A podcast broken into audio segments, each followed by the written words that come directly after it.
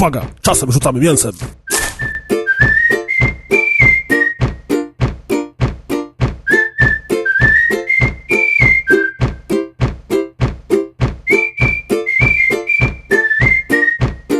Cześć! Tutaj Adrian Adek z podcastu Rozgrywka i pewnie nie spodziewaliście się, że wrócę z tym formatem, ale udało się. Mam na niego nowy pomysł i zaczynamy drugi sezon. Co będzie w tym sezonie, jeszcze nie wiem. Na pewno będzie zmieniona lekko formuła, na pewno nadal będzie brak regularności i na pewno będzie to bardzo elastyczny i rozwijający się format, bez jakichkolwiek ram. Postanowiłem wprowadzić trochę zmian, żeby zobaczyć, jak to możemy rozwinąć. Jak na razie myślę o tym, żeby rozwijać to w kierunku rozmów z róż, różnymi gośćmi. I tak też jest dzisiaj. Na dzisiaj udało mi się ściągnąć z podcastowej emerytury dwie moje bardzo dobre koleżanki, a także i osoby, z którymi to wszystko się zaczęło, bo być może słuchacze nie wiedzą, ale pierwszy odcinek nie był rozgry szamki, a rozgry szamany, który łączył dwa podcastowe światy. I w ten oto sposób wracamy z drugim sezonem, niczym z pierwszym sezonem. Znowu jesteśmy razem. Jest dzisiaj ze mną Natalia. Dzień dobry. I jest ze mną Madzia. Hello! Hello! I co? Porozmawiamy sobie o jedzonku. Bardzo Powiem... podoba mi się, że podcast nie będzie miał żadnych ram. To znaczy, że y, ten. To dokładnie tak że jak wywalamy lubimy. rozpiskę. Bo rama jest beznadziejna i do niczego się jej nie używa, tylko masło. Uuu, ale wegańskie. No, no o tym możemy porozmawiać. Ja chciałbym zaznaczyć, że to jest pierwszy raz, jak ustawiłem budzik, żeby nagrywać podcast. Dzięki Natalii. No oj tam, oj tam. Lepiej zacząć rano, przy śniadaniu, wiesz, mi się to zawsze kojarzy, tak jak były te audycje radiowe, zawsze w, e, rano, y, w weekendy, czy coś tam, coś gotowali, jakieś O nie, tu było, musimy coś dopisać takie- do rozpiski teraz. Piszmy. To możemy od razu przeskoczyć do takiego tematu. Chcę tak, bo chciałam powiedzieć, że nie tylko były kiedyś takie audycje, ale są dalej. Y, Na To, dobra, to anty- dla mnie, wiesz, były, bo już nie słucham, nie? Właśnie y, powinnaś, a nawet powinniście. Wydaje mi się, że teraz większość tych audycji jest też em, online, bo bardzo często radia przerabiają je na podcasty. Najlepsza, najlepsza audycja podcastowa, e, kulinarna ever. E, Myślę, że ciutkę gorsza od tego podcastu, ale ciągle top. To jest e, gastrofaza na antyradiu. Tak. W soboty i w niedzielę od 10 chyba do 13. Adek, koniecznie musisz posłuchać. Posłuchać, jak ten pan mówi o jedzeniu. On mówi tak o jedzeniu, że po prostu y, nawet nie o to chodzi, że się robisz głodny, tylko chcesz rzucić wszystko i zacząć gotować, bo jest super. Mhm. Chciałem wyszukać, ale wpisałem nieopatrznie samo gastrofaza i mi wyskoczył blog holenderski skun.pl. to chyba nie to. Nie, Paweł Znaczy Loroch. blisko, ale jednak nie. Paweł Loroch A, to i cały czas e, nagrywa, gastrofaza to, jest Mhm. Przefantastyczna. Naprawdę jest tak zupełnie serio, jest bardzo fajny. On zawsze ma jeden temat tygodnia. E, Zawsze rozmawia z czytelnikami, znaczy czytelnicy przysyłają jakieś przepisy, także Adek też możesz się zastanowić, czy tak by się jakoś nie dało. I on je jakby omawia w ramach danego odcinka, na przykład odcinek jest o, nie wiem, szpinaku. Wczoraj było o szpinaku. No i dopowiada jakieś tam swoje, swoje rzeczy, nie?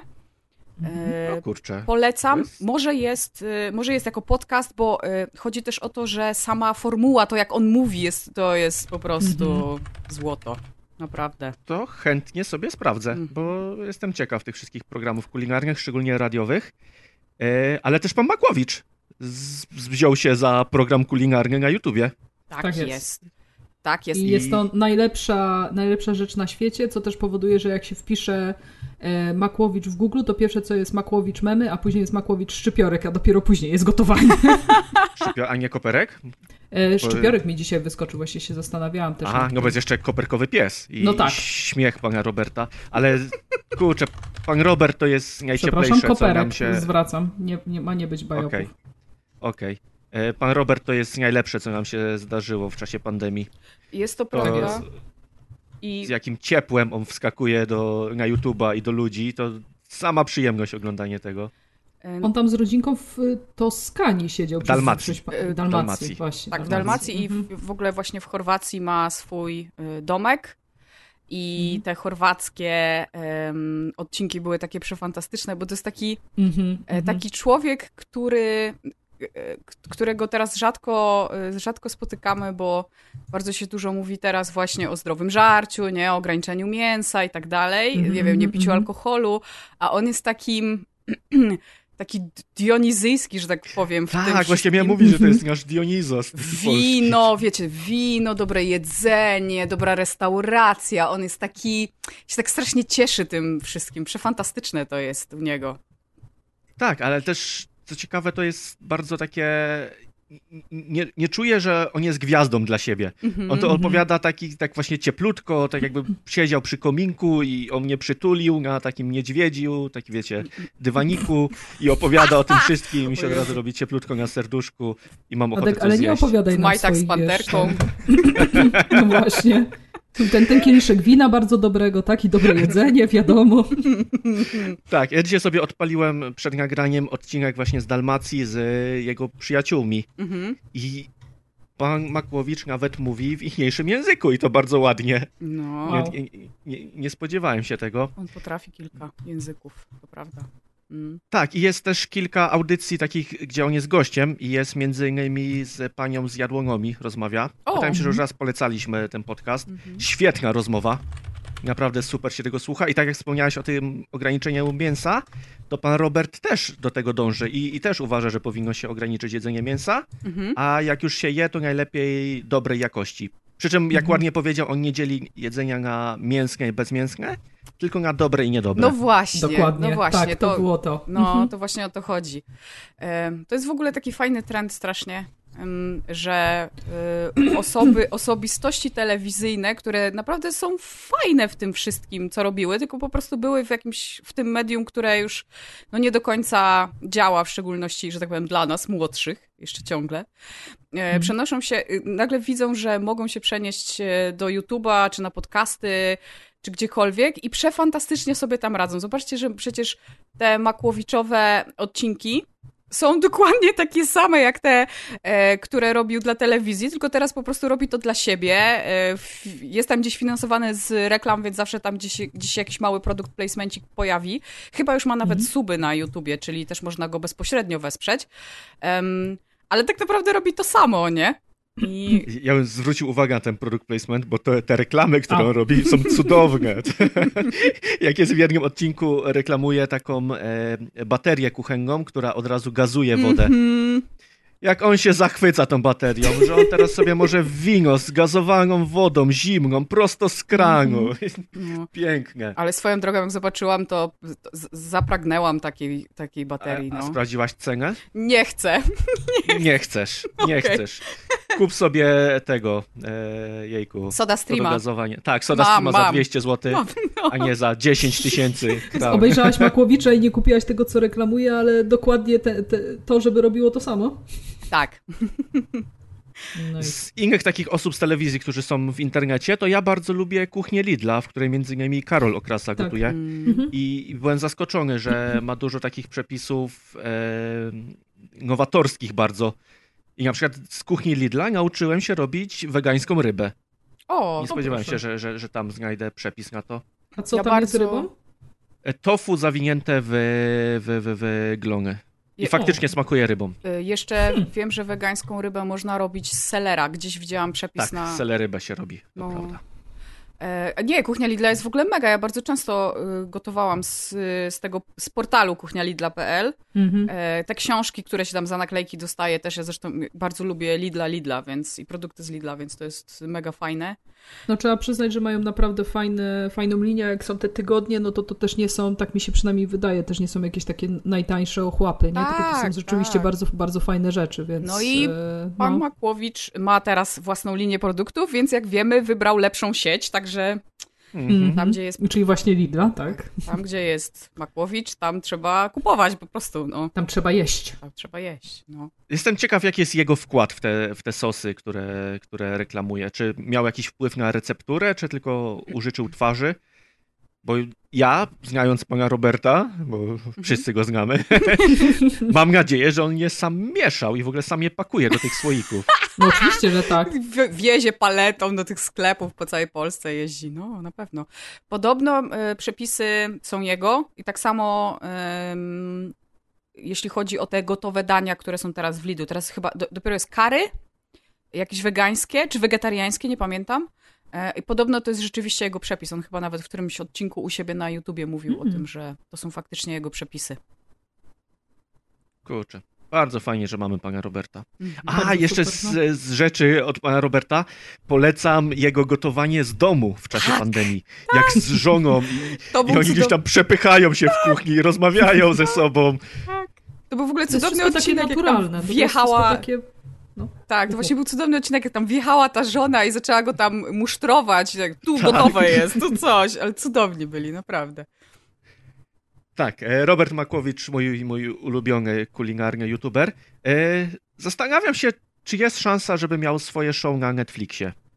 Uuu, hmm. Jest nice. potencjał w tym. Ja bym chciała, no. żeby miał podcast, bo on tak opowiada, jest takim y, gawędziarzem, mhm. że byłby mega.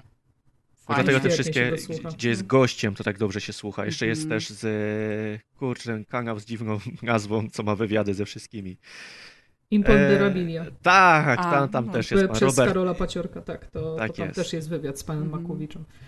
No to, to, to mam nadzieję, że spodoba wam się też gastrofaza. E, a zresztą swoją drogą, jeśli chodzi o podcasty... Ale gastrofaza, sorry Natalia, że ci wchodzę, ale gastrofaza to już kilkanaście lat leci, no. bo ja to pamiętam jeszcze z takich cza z czasów, przerwą, kiedy, wiesz, przerwą, dzie tak. dziecięciem byłam. Tak, no. tak, z przerwą, ale, ale leci i jest fajna. Świetna um, rzecz, no. Lidl ma też ja... swój podcast kulinarny teraz. Nie wiem, czy o. wiecie. No. I oczywiście ma też swoją y, playlistę na Spotify. Jak wam brakuje dźwięków sklepu, bo pandemia, to możecie sobie puścić. Ach, to prawda, to nie, pol, to nie polski Lidl, nie? Tylko jakiś tam Nie polski Lidl, ale któryś. tak, ale są, są dźwięki, jest pikanie w kasie, więc można się poczuć jak w O, a słyszeliście o tych playlistach? To chyba zrobiła, e, z, zrobiła jakaś do, e, znana marka makaronu, która zrobiła takie playlisty, które trwają tyle, ile powinien się gotować makaron e, konkretny. Na przykład 8 minut playlista o. albo 15 o. minut playlista. E, zaraz to znajdę. Kontynuujcie, to zaraz znajdę. Okej, okay, to ja jeszcze z polecajek mam e, też podcast z, z naszego świata, bo podcast prowadzony przez Kubę Tepera, znanego Tapczana. Mhm. E, o nazwie Table Talk. Z o. Michałem rozmawia. To jest trochę kulinarny, a bardziej o knajpach. I, no bo Kuba prowadzi kilka knajp w Poznaniu azjatyckich. Jest 21 odcinków, aktualnie jest do przesłuchania na wszystkich apkach i, i tak dalej. RSS-owo jest do znalezienia. I mhm. bardzo miło się tego słucha. Szczególnie, Super. że mówię, no Kuba prowadzi tą knajpę, więc dużo mówi o biznesie. Zresztą tak samo na fanpage'u swojej restauracji, mhm. czyli na e, e, e, e, nie na Kim Chickenie, tylko na tym drugim. Kurczę, zapomniałem teraz jak się nazywa, przepraszam.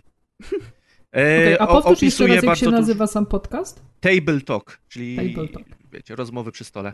Mhm. E, Means Table się nazywa jego knajpa i tak samo na, na Facebooku i on tam opisuje bardzo często rzeczy o prowadzeniu knajpy. Super. O tym, jak działają apki w stylu pyszne.pl mhm. i dlaczego nie zaleca używania ich.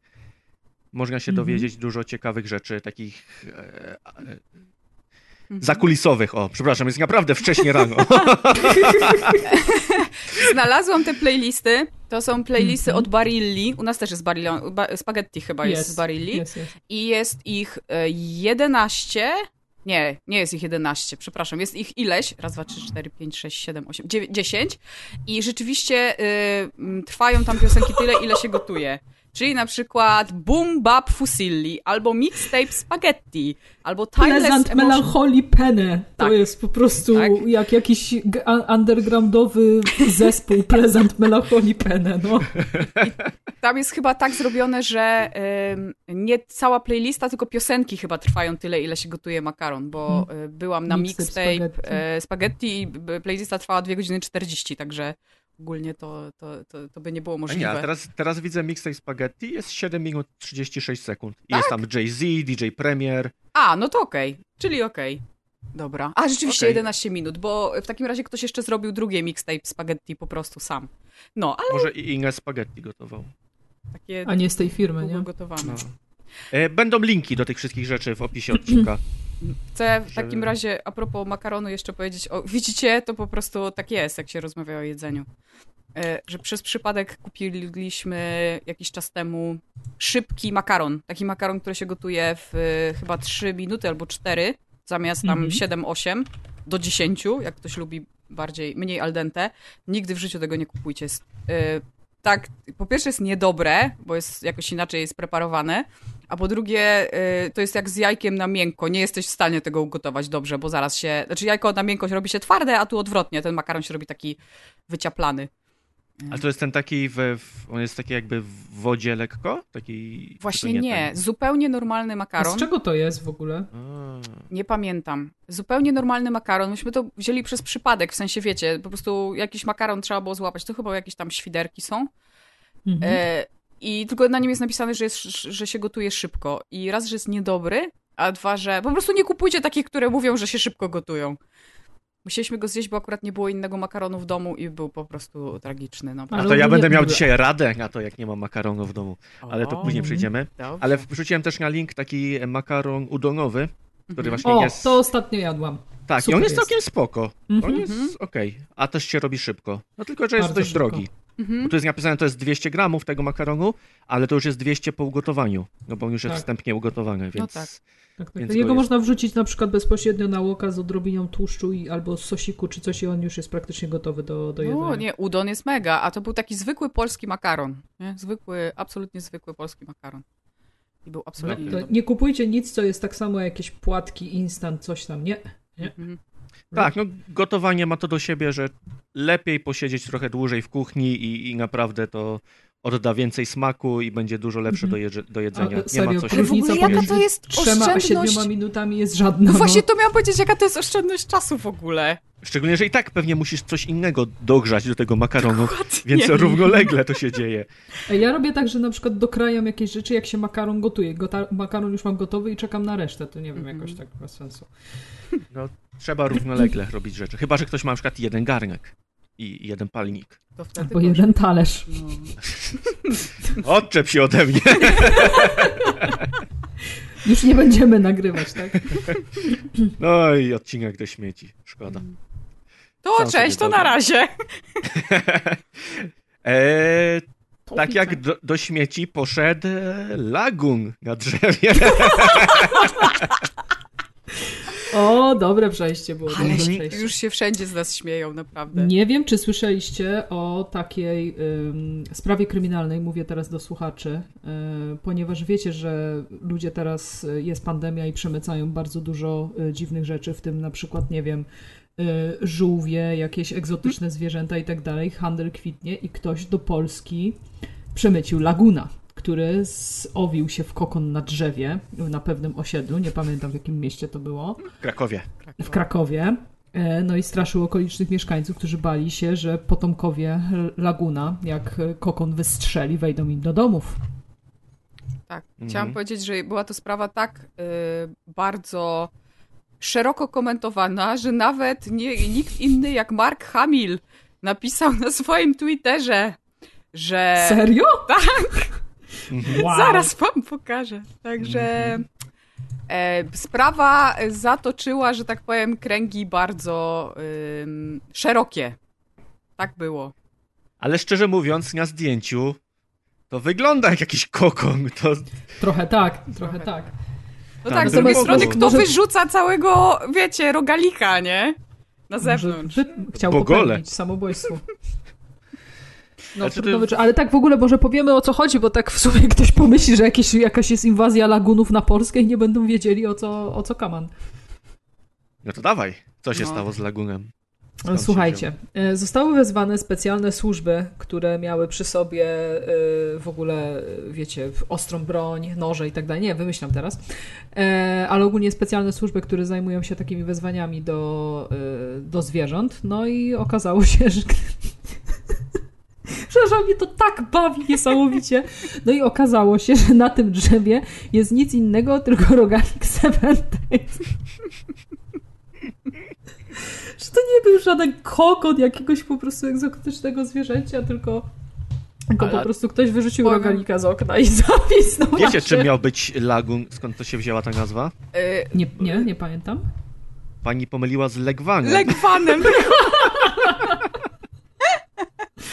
Ale powiem wam, że ja bym też policję wezwała do tego, bo rogalik Seven Days sam w sobie jest trochę takim przestępstwem, więc jakby... To Mhm. prawda, bo on tam, tam jest napisane, że dwa dni był na, na tym drzewie. I nawet Zobacz, nie jak on się- Tak, jak on dokładnie. się no. dobrze trzyma. Mhm. I też zastanawiam się, Em. czy z tego okna nie szło sięgnąć, bo, bo może ktoś sobie na przykład zo- zostawił na później.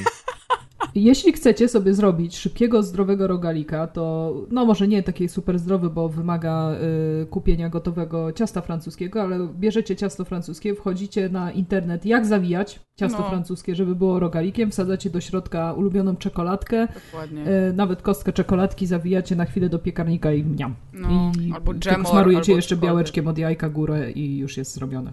Myślę, że na tej stronie, którą sprawdzałem wcześniej, czyli holenderski skun, jest jak zawijać artykuł. O, no to wszystko się składa właśnie, więc super. Nie, Ale też gorąco polecam robić samemu słodycze. Ostatnio przeczytałem taki sposób na dietę dla ludzi, którzy niekoniecznie żyją z, z bycia fit, ale po prostu chcą jakoś tam Mhm. lepiej się odżywiać, żeby jeżeli ktoś ma ochotę na słodycze, to jedz ile chcesz, jasne, ale zrób je sobie sam. Mhm. Tak. No, I to jest super zrobisz. zasada. Tak jest. E, A to jest też fajne, bo to też psychologicznie działa, że ja na przykład jak dużo gotuję, dużo jestem w kuchni, to później po tym gotowaniu nie jestem głodna, bo a, próbuję, Tak. dwa, podobno bardzo mocno działają na nas zapachy, więc jak się na, nawdychasz, napachnisz tego wszystkiego, to paradoksalnie ten głód ci zbija. Mhm. Tak. No plus ja przeszedłem na tą zasadę i bardzo często jest tak, że zjadłem coś słodkiego, ale mi się nie chce robić i, i nie jem. Mi elegancko. Bardzo ładnie. No. Swoją drogą y, jest bardzo fajny przepis tu w dużym tak zwanym cudzysłowie na y, fajne lody. Takie nawet trochę białkowe, więc No. to, to, wam się, to wam się przyda. y, Które się składają w zasadzie z dwóch składników, mianowicie ze skyra waniliowego z Lidla, który w ogóle ma bardzo dobry skład i Mhm. y, jakby kalorycznie też jest spoko. I Skyr smrożonego mango. Po prostu trzeba je A, y, wymieszać, zmieszać. tak? Tak. Zblendować. Tak, zblendować U. i wrzucić do lodówki i w takiej formie podawać.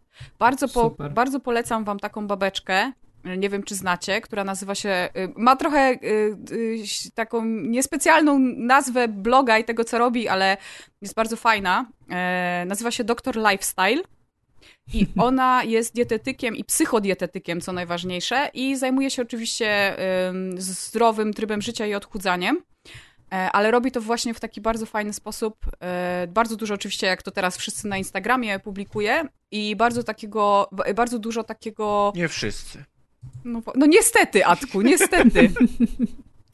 E, I bardzo dużo mówi właśnie o takiej, e, zas, takich zasadach dietetycznych nie wszystko albo nic, czyli od dzisiaj tylko sałata i wiecie, e, kurczak na parze i do widzenia, tylko o tym, jak sobie lawirować w tym życiu, jakie kompromisy sobie różne robić, żeby to miało sens. I w ogóle bardzo często pokazuje na przykład sama co je, że na przykład opierdzieli pizzę i to jest okej, nie? Tak wiecie, ściąga ściąga taką presję e, takiego idealnego talerza i ma właśnie bardzo dużo przepisów, bo ona ma taką w ogóle zasadę, która jest e, strasznie fajna, że mm, nawet jak masz jakieś swoje ulubione danie, e, to nie o to chodzi, żeby robić jakąś super dietetyczną jego wersję, tylko żeby szukać tam, wiecie, obcinania kalorii, nie? W jakiś różny sposób. Mhm, mhm, Na przykład jak robisz jakiś sos, to żeby on nie był e, na przykład cały na majonezie, albo, ale żeby był na przykład pół na pół z jogurtem, albo nawet z całym jogurtem, ale żeby to dalej był twój ulubiony sos. I bardzo często publikuje właśnie przepisy na takie przeróżne rzeczy, em, które y, y, ma też oczywiście swoje diety i w ogóle to jest najfajniejsze, bo ja już kupowałam kilka jej rzeczy. Ma jadłospisy, czyli diety, y, Lidlowe i biedronkowe. Czyli na przykład U. kupujesz sobie O. całą dietę i wszystkie produkty możesz kupić w Lidlu, albo wszystkie produkty Ej, możesz kupić w super. Biedrze. Super. Bardzo fajne i to są całe takie skomponowane posiłki na przykład na 4 tygodnie, na taką kaloryczność jak chcesz, zarówno taką wiecie, że jest tam 1500 kalorii, ale też taką na 2000 czy tam jeszcze więcej, nie? Jak, jak wolisz y, przytyć, a nie schudnąć. I ma bardzo dużo takich fajnych przepisów i właśnie te lody są od niej. E, y, od niej też nauczyłam się szarpanego kurczaka, co jest w ogóle game changerem. Czyli mm, m- y, mogę szybko przepis? dawaj. pewnie. Dobra, nie e, param. Kurde. Są dwa. Ona ma takiego szarpanego kurczaka z mm, od razu z sosem pomidorowym, co jest spoko, ale nie zawsze do wszystkiego pasuje. Ale idąc tym tropem znalazłam inny przepis na takiego samego szarpanego kurczaka, dokładnie tak samo jak szarpana wieprzowina. I przepis jest banalnie prosty. E, bierzemy sobie mm, kurczaka, e, bierzemy sobie rondelek, kurczaka kroimy w kawałki, takie większe kawałki, żeby nie była cała pierś, ale żeby ten kurczak, e, ale też nie na takie kawałki jak, nie wiem, jak sobie robimy takie malutkie do, do jakiegoś dania, raczej takie większe. Wrzucamy do rondelka i zalewamy go wodą. Nie, ten kurczak nie musi być cały zalany. Ważne, żeby on po prostu pływał w tej wodzie. Nawet lepiej, jak nie jest cały zalany. Mhm. Mm, do wody dodajemy, z tego co pamiętam, pół, e, wyciskamy pół cytryny, soku z cytryny. E, dodajemy oczywiście trochę soli, trochę pieprzu. E, dodajemy ostrą paprykę. I co ciekawe, E, możemy tam dodać jeszcze na przykład trochę cynamonu, co ja robię często. Y, I na przykład imbiru, takich rzeczy troszeczkę bardziej orientalnych. Mm -hmm. Ważne jest to, żeby tam trochę tych przypraw dać. Zaraz, y, jak skończę, to znajdę ten przepis, to też zalinkujemy. Ten, ten drugi mm -hmm. przepis. Ten, y, mm. I gotujemy to pod przykryciem tak 30-40 minut E, a potem po prostu ta woda powinna być. E, najczęściej jest tak, że ta woda troszeczkę nam odparuje. Mhm. Ale jeśli nie, to, to można ją trochę odlać. I na koniec tego po prostu roz, e, rozdziabujemy go widelcem na, na, taki, na taki, taki, takie szarpane mięso. Mhm. Pyszne to jest przepyszne. To jest, to jest po prostu gotowany kurczak, jakby się tak zastanowić, w przyprawach, takiej zupie z przypraw w zasadzie, bo nie jego się mm -hmm, naciera, mm -hmm. tylko to mhm. się wrzuca, te, te, przyprawy się wrzuca. Właśnie miałam pytać, jakie to mam dokładnie konsystencję po tym, jak się już przełoży na talerz. Yy, szarpanego kurczaka, znaczy szarpanego mięsa, tak jak szarpanej wieprzowiny. Mhm. Mm. Ale pływa w czymś? W sensie nie, jest tam... nie, nie, nie, nie, okay, to nie, już, nie. Tego już nie ma, dobra. Yy, okay. Tą wodę, ta woda albo troszeczkę nam wyparuje, albo można ją trochę odlać. Ja najczęściej robię to w ten sposób, że leje tej wody tak, że y, jakby góra kurczaka wystaje, przez co nawet jak go w resztce tej wody rozszarpie trochę, to tak czy tak ta woda się gdzieś tam mm, ginie, a on jest taki troszeczkę, wiecie, bardziej soczysty.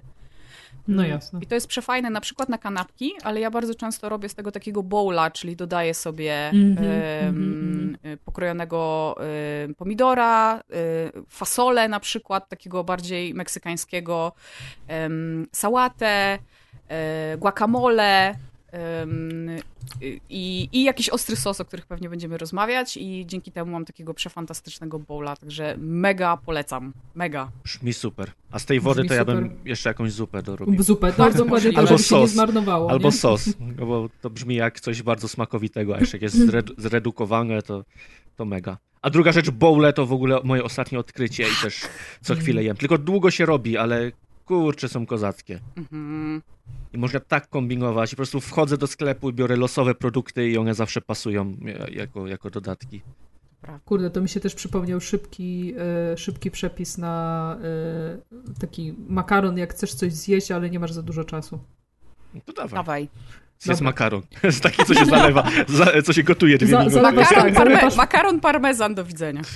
Słuchajcie, kupujecie gotowy makaron, dodajecie ketchup dan, nie? Super. Nie. tak serio, to. Eee, bierzecie y, brytwankę taką do, do piekarnika albo takie y, przezroczyste naczy, naczynie żaroodporne i wsadzacie w zależności od tego, jaką porcję chcecie, ileś tam pomidorków koktajlowych y, i do tego kawałek dość duży fety na środku. O ja. Do, dodajecie troszeczkę oliwy, ale tak troszeczkę. Mhm E, I przyprawy według, według uznania. Ja zwyczajowo y, praktycznie nie dodaję nic, bo lubię smak samej fety, bo jest, bo jest słony. Mhm. E, I jest, jest, ba, jest bardzo smoko, a pomidorki koktajlowe mają to do siebie, że są słodkie, więc od razu jest tu fajny kontrast pomiędzy tymi dwoma smakami. Ale można na przykład trochę sobie dopieprzyć, czy dodać na przykład, nie wiem, troszeczkę chili, płatków chili, jak, jak to chce. I to wszystko wstawiamy do piekarnika i e, no mniej więcej tak w 100 stopniach, bo nie, nie, nie chcemy, albo poniżej 100 stopni, bo nie chcemy, żeby ta oliwa się, e, się, się zagrzała, czy jakiś tłuszczyk, który tam, który tam dodaliśmy. I teraz co, dzieją się dwie rzeczy. Ta feta, feta jest bardzo tłustym serem, więc ona się bardzo mocno rozpuszcza, natomiast pomidorki złapią, e, złapie fajną skórkę i pomidorki puszczą wodę. Więc później, po mniej więcej 20 minutach w piekarniku, to wszystko rozciapujemy widelcem, tak mi się skojarzyło właśnie po tym, jak ty po- też mówiłaś Mhm. o rozciapywaniu widelcem. Rozciapujemy to, to wszystko widelcem i na to po prostu rzucamy sobie porcję ugotowanego makaronu już wedle uznania, czy to jest, czy to jest penne, czy jakieś świderki, czy, jakie, czy jakieś spaghetti i w tym garnku mieszamy i już możemy w, wykładać na talerz, ewentualnie, nie wiem, dać sobie troszeczkę parmezanu i wtedy dać jakieś, nie wiem, oregano, bazylię do smaku i, i tyle. I to jest cały makaron. Super Jakie rzecz. dobro. Ale będę Mhm. robić. No, a Mhm. to jest, to jest me, mega proste, yy, więc no, super. Ja robię tak, że po prostu fetę daję tak jakby na środku Mhm. i dookoła po prostu daję, daję te pomidorki, nie? Nie, nie, ob- te pomidorki, bo one się rozpadną całe, nie trzeba ich One obierać. się tak, bo one pod wpływem temperatury się rozciapciają. Ja jeszcze ym, sprawdzę, najwyżej dodamy, dodamy w opisie dokładnie te, te temperatury, ale zwyczajowo daję mniej niż 100, bo to nie ma co. Bo też nie chcemy, żeby one się przypiekły, tak? Bo to też nie o to chodzi. One mają się po prostu troszeczkę złapać z góry i puścić wodę i to jest tyle. A ser rozpuścić i wszystko ma być ciepłe i to jest tyle. Bardzo Brzmi fajnie. mega. No. Ja I, me, I mega proste po prostu, nie? Mhm. Wymieszałem fetę z tofu potartym i dodałem płatków drożdżowych. Hmm? I z tego mi wyszedł farsz do pierogów i to był jeden z lepszych farszy, jakie zrobiłem. Wow, O, Nie- dobre. Nie wiem, Mm. jak to zagrało razem, ale ja po prostu z głupa wrzuciłem, żeby sprawdzić, jak, jak będzie smakowało i wyszło. I musiałem sobie zapisać. E, ale jak już jesteśmy przy blogach, to mam jeszcze jeden mój do polecenia. Znaczy mój, w sensie nie, że mój, mój, tylko że ja chcę polecić. E, damianparol.com Damian prowadzi bloga o żywieniu i o fitnessie, ale od strony takiej scenicznej. tak. Przy czym wszystko opisuje opierając się o badaniach. I ma Mhm. bardzo dużo artykułów takich, z których warto czerpać wiedzę. Czyli wiecie, to nie jest, że musicie jeść pięć posiłków, tylko on bierze metaanalizy tam 100 badań i wybiera z tego, znaczy na podstawie tego odpowiednie wnioski wyciąga i, i wypisuje wszystko. To jest troszkę bardziej skomplikowane, ponieważ on się posługuje nomenklaturą biologiczną i, i bardzo często opisuje już jakieś tam skomplikowane e, procesy, które zachodzą, ale nadal to jest bardziej w stylu popularno-naukowym i nadal można wyciągnąć dużo ciekawej wiedzy. Mhm. Bardzo polecam go, bo to jest jeden z, z takich nielicznych, jedno z nielicznych miejsc, gdzie da się tą wiedzę popartą badaniami wyciągnąć. Mm. A ma też ciekawy artykuł na przykład o soku z buraka w sportach siłowych i o tym, dlaczego, dlaczego to działa. I Super. wytłumaczone na zasadzie właśnie związków i procesów biologicznych w organizmie. Ja go znam z y, Facebooka, ale weszłam na jego Mhm. Instagrama i widzę, że ma zdjęcie z pieskiem i zdjęcie z padem do PlayStation, także sprzedane. Także już jest y, y, dwa punkty do przodu. Tak, jest taką przyjemną mordką do oglądania, Mm, więc polecam. E, też oczywiście będzie link, już zapisuję wszystkie linki, jakie na bieżąco są dosyłane i, mam nadzieję wszystko wrzucić do opisów. E, I co, chyba przeskakujemy do kolejnego tematu, czyli... A co się kręci? Placek. Dokładnie. Jacek Placek. E, To jest kolejny odcinek, w którym będziemy mówić o pizzy. I to Mhm. bardzo fajnie pokazuje to, jak zgłębianie wiedzy zmienia postrzeganie jakiegoś tematu. Ponieważ Mhm. w pierwszym odcinku o pizzy, znaczy inaczej, jeszcze zanim w ogóle rozmawialiśmy o pizzy, to potrafiłem zrobić pizzę taką w 30 minut. Wrzucałem tam 30 gramów drożdży, trochę mąki i, i Mhm, miałem mhm, placka i to była najlepsza pizza na świecie i wszystkim ją polecałem. Później się okazało, że jest taki przepis, który robi się w 24 godziny, polecony przez Deusza e, i Alex the French Cooker. Jakoś French Guy chyba tak jest jego tytuł na, na YouTubie. Pokazuje taki przepis, gdzie robi się ciasto w ogóle bez mieszania. Tylko Mm. tam, znaczy bez zagniatania, tylko szybko Mhm. się miesza składniki, odkłada na 24 godziny i robi pizzę. Jak to zrobiłem? No, najlepsza pizza w życiu. Nigdy nie jadłem lepszej. Mhm. Już tylko taką będę robił.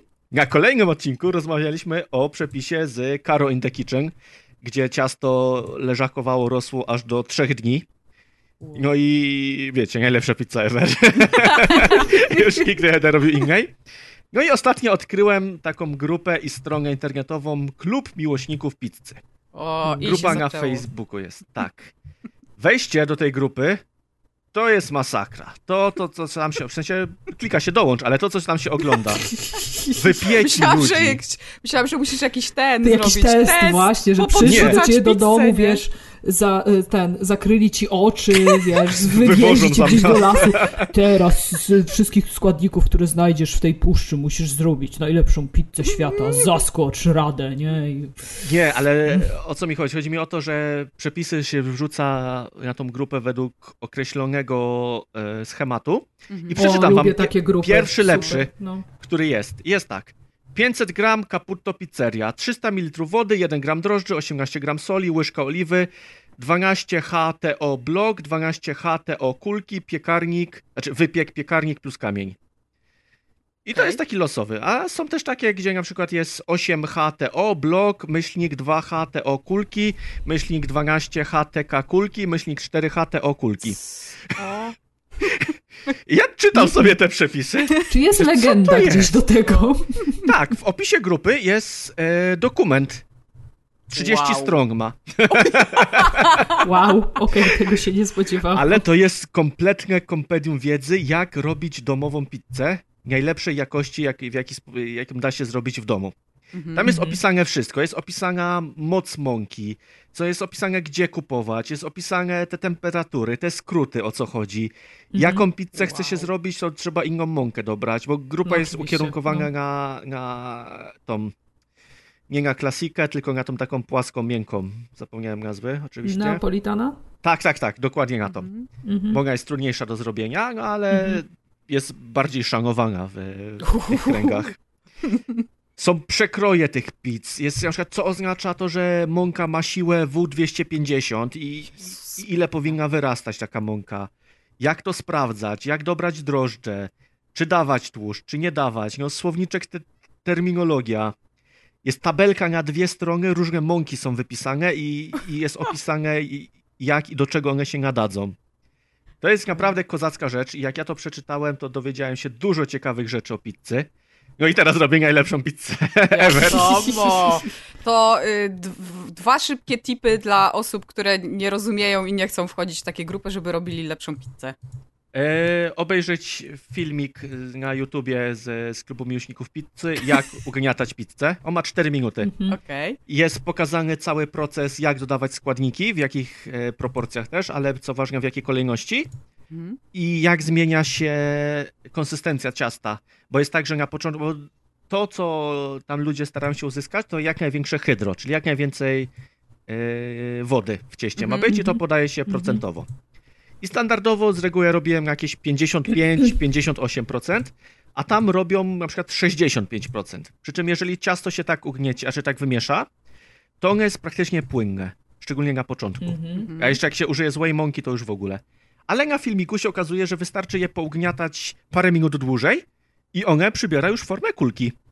Gdzie normalnie ja po dwóch minutach takiej papki dodawałem mąki, no bo, bo Mhm. nic z tego nie Mhm. będzie, Mhm. to nie, wystarczy ugniatać dalej, nie, nie zrazić się i wychodzi coś pięknego. A to, jakie ciasto z tego wychodzi, jak ma się taką mięciutką kulkę, która jest cała gładziutka i aż chce się patrzeć na nią, coś pięknego. Ja w ogóle mam mały fetysz oglądania, jak rośnie ciasto drożdżowe. To jest prawda, coś w tym jest. Ciasto drożdżowe wypas. Mhm. A tutaj mówię, on jest takie delikatne jak chmurka. Mhm. Eee, a drugi tip, wejście na stronę klubu miłośników pizzy. I tam jest coś takiego jak kalkulator pizzy. To nie liczy się nim, ile pizzy można zjeść, tylko wylicza się, wybiera się rodzaj pizzy, jaki chce się zrobić, wybiera się, ile chce się uzyskać porcji i jaka waga. Mhm. I strona proponuje, a czy jeszcze wybiera się też ile hydro, ile tłuszczu, przy czym są takie okienka informacyjne, Mhm. e, jaki zakres powinno się dobrać, więc jest się prowadzone za rękę. Wow. I na końcu klikając generuj, tam wybiera się ile ma rosnąć jeszcze, czy, czy robimy na, na zaczynie, czy nie. Generuje się taka tabelka z proporcjami. Jezus Czyli możemy sobie. Wiemy, że chcemy, nie wiem, porcję 250 gramów, że chcemy mieć 3 porcje, 60 hydro, wpisujemy to wszystko, klikamy generuj i on nam rzuca. OK, potrzebuję 453 gramy mąki, 358 gramów wody i tak dalej. E, To, co jest ciekawe w tych przepisach, to drożdży świeżych, czyli tych, których z reguły używa się więcej, Mhm. używa się w stylu 1-2 gramy.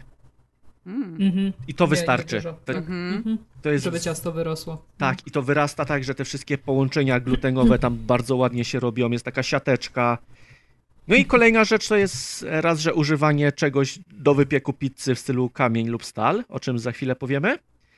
A druga rzecz to jest dobry piekarnik i niestety ze słabym piekarnikiem tego się nie przeskoczy, ale tu znowu przychodzi z pomocą klub miłośników pizzy, bo oprócz poradników e, jaki piec kupić, gdzie wiadomo oni proponują już takie profesjonalne No. za parę tysięcy złotych, to pokazują też, jak modyfikować piece, jak zmieniać grzałki, co tam można przelutować, żeby wow. zwykły piekarnik nagle nagrzewał się do 400 stopni. Jezus Maria. To mi meble dookoła spłyną, Tak. spali. Tak, zresztą te, te firmowe piece też modyfikują i też właśnie wymieniają grzałki i pokazują, jak wyginać te grzałki. No, Dużo przydatnej wiedzy, akurat do tego nie zachęcam, żeby robić modyfikacje, no bo wiadomo, to jest niebezpieczne, ale przynajmniej sam dokument warto sprawdzić. Bo, no nie wiem, zacząłem semoliny używać, Mm. czego wcześniej nie robiłem, a teraz jej używam jako podsypki i, i, i, używam też takiej łopatki drewnianej i pizza po tej semolinie zjeżdża sobie dosłownie na stal do, do, do, do piekarnika i nie ma żadnego problemu z tym, gdzie wcześniej zawsze się męczyłem albo robiłem od Mhm. razu na blasze i, Tak, i musiałem tak, z tak. tym walczyć. A teraz prosty trik, a semolinę jeszcze używam też do innych rzeczy, o czym też dzisiaj będzie, więc kozak. E, Ciekawostka jest jest też taka, że. No, mów, mów, mów. Dobra, że mów, mów, w mów, dokumencie jest kilka linków do różnych stron internetowych, gdzie można robić zakupy i przez to, że to jest olbrzymi krąg, to są zniżki dla grupowiczów. O, super. Jest też dogadane z jedną firmą, która normalnie sprzedaje hurtowo, ale tam dzięki temu klubowi też można na telefon zadzwonić i kupić Mhm. sobie samemu włoskie mąki i, i, i, i też mięsko włoskie i oczywiście odpowiednie pomidory i sery i Hmm. tak dalej. No w ogóle dobór sera to jest temat zupełnie na, na cały odcinek. Zmieniłeś oglądałem- moje życie teraz normalnie. Serio. No ja też, jak tylko to, to odkryłem, zresztą wam też podeślę, bo dostęp do, do kompendium wiedzy jest, nie wymaga e, kliknięcia w, w grupę, chociaż zachęcam do dołączenia do grupy, no bo, bo warto tam poczytać, co ludzie mówią, a jest masa przydatnej wiedzy, gdzie ktoś o coś zapyta i w komentarzach odpowiadają i warto też kliknąć po to, żeby zdjęcia pooglądać. Mhm. No Kocie, to- idź stąd. Przepraszam, myślałem, że wyciszyłam. Bo zdjęcia o, są piękne. Kurczę. Mhm, No, a ten dokument robi wrażenie, prawda? To... robi. No, jest- 37 stron. Jezu. Och, ale ładnie tutaj w- widzę odnośniki są, do czego służy kalkulator pizzy, krok pierwszy, wybór typu pizzy, ilość, wielkość. A, w ogóle, co jest najważniejsze, czemu my tak gadamy cały czas o cieście, bo to chciałam powiedzieć, bo ciasto, ciasto według mnie jest najważniejsze, bo składniki każdy sobie rzuci takie, takie jak już chce, ale ciasto robi pizzę, no nie ukrywajmy. To prawda. Mm. Jak jest dobre ciasto, to moja ulubiona pizza to jest margarita teraz. Tak. Ser i Mhm. pomidory, ja nic więcej nie potrzebuję. Dokładnie. Mhm. Żadnych fancy sosów, nic ciężkiego, po prostu Tak. wystarczy. Tak. I ser y, oczywiście też dobry, nie? To zresztą widać po takich naprawdę dobrych pizzeriach. E, W Katowicach jest taka pizzeria e, Lenarte, która robi takie właśnie prawdziwe włoskie pizze. E, Ja zawsze się śmieję, że te prawdziwe włoskie pizze w ogóle nawet tak wyglądają em, niechlujnie trochę, bo one nigdy nie są okrągłe, nie? One są takie jak tam No. wyjdzie kucharzowi. E, I tam oczywiście są takie pizze, w których jest trochę więcej składników, ale właśnie najlepsze są te, które tam mają trzy na krzyż, nie? No Albo bo nawet mniej, nie? łatwo No. zamaskować nieudane ciasto masą składników i sosem. Tak. Mm, Przy czym I, I też, serem. Tak, przy czym też nie jestem przeciwnikiem sosów, bo jest dużo takich purystów pizzowych, którzy uważają, że nie wiem, dodanie keczupu na pizzę to jest w ogóle grzech i nie wolno tak robić i zabijasz wszystko. Mhm. Ja jestem zdania, niech każdy je tak jak lubi. Jak jasne. lubisz sobie zjeść z keczupem, to dorzuć.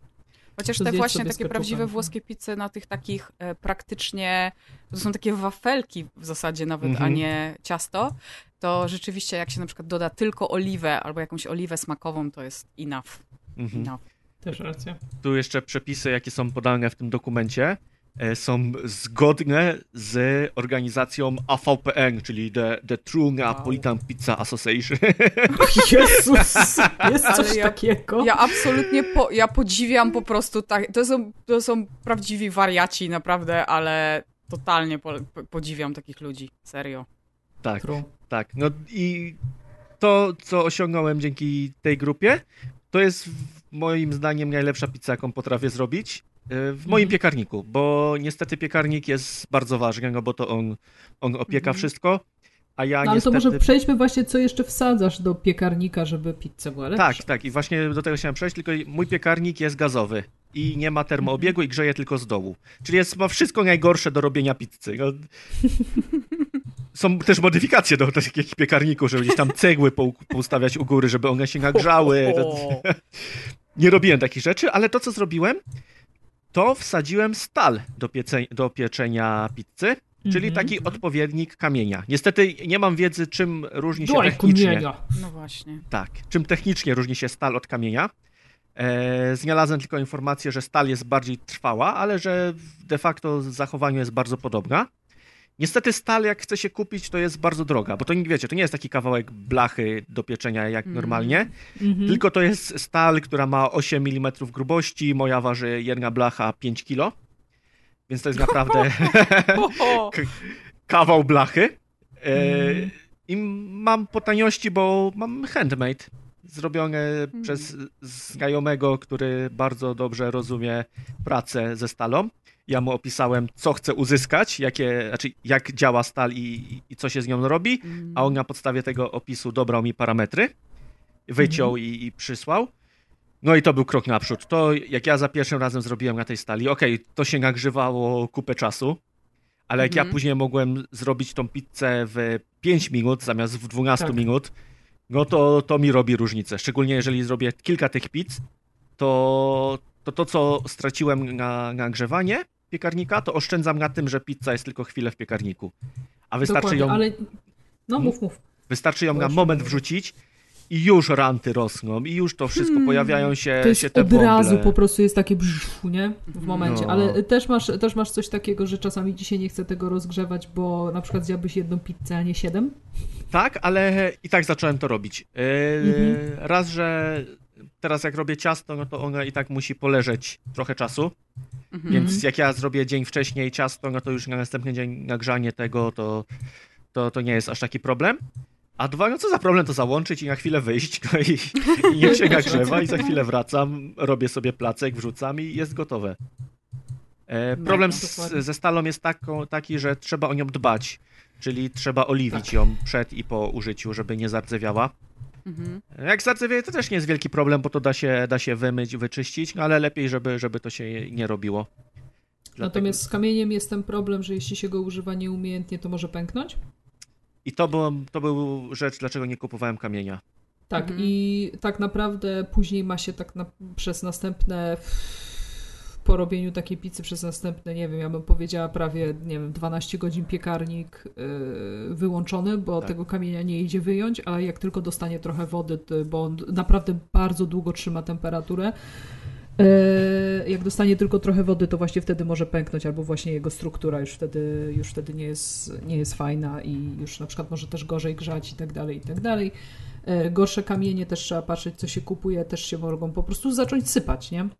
Mhm. E, Więc e, no, w zimę jest fajnie, bo można sobie taki kamień wsadzić, nagrzać, zrobić pizzę i jeszcze go zostawić i on trochę grzeje. Pod kołdrę wrzucić później. Pod kołdrę wrzucić, tak? No, ale no, ja na przykład no, mam na tyle małe mieszkanie, że nawet go nie jestem w stanie nigdzie wyciągnąć. Więc dopóki on jest na, na 100% nie, nie wychłodzony, to po prostu piekarnik jest wyłączony z użytkowania, nie? No, mnie tak samo. Też, też go tam, tam trzymam.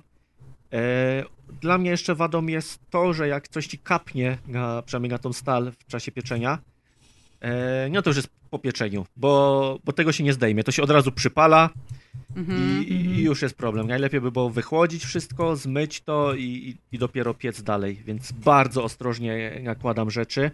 Widziałem filmiki, Mhm. gdzie w tych piecach profesjonalnych, gdzie tam jest 400 stopni, jak na przykład mozzarella spadła na, na kamień, to od razu się zapala. Ohohoho. Wow. Więc No bo to już jest za wysoka temperatura, nie? A kamień jest szło, no nie, no to, a to, to, to też może, to może jest głupie, co ja powiem, ale to trzeba mieć cierpliwość trochę i do tej stali, i do tego kamienia, bo inaczej tylko sobie możecie zrobić krzywdę albo zapalić mieszkanie, serio mówię. tak, a czy bez niego też da się zrobić dobrą pizzę. To Bardzo tak, dobrą pizzę, tak, że oczywiście. od razu trzeba skakiwać na taki poziom. E, przydatny gadżet przy kamieniu i przy, i, i przy stali to jest pirometr. Pirometr Tak. to jest taki, taki pistolecik, mam który niestety. mierzy Mhm. temperaturę Temperaturę. powierzchni. Bo no, wrzuca się pizzę w momencie, jak jest nagrzana ta powierzchnia, a nie wiadomo kiedy jest. Szczególnie. Nie dotkniesz, nie polecam. Tak, nie, bardzo nie polecam. Bardzo, bardzo nie polecam. I też bardzo polecam naprawdę zostawić ten piekarnik na kilka godzin i, i bardzo ostrożnie sprawdzać, czy już się wychłodziło, czy, czy, czy jeszcze tak. nie. Tak. No bo nie ma co robić sobie krzywdy. No i mówię, no i u mnie wada jest to, że, że ta stal jest bardzo ciężka. Yy, I przez to... to kamień to też jest. Yy, no, no, ja to. No ciężki jest. Nie wiem, ile z kilo, tak 5 kilo, z 6 waży. No i umycie tego to jest naprawdę problematyczne. E, tak. Ja na szczęście mam otwarty prysznic, więc wsadzam go pod prysznic.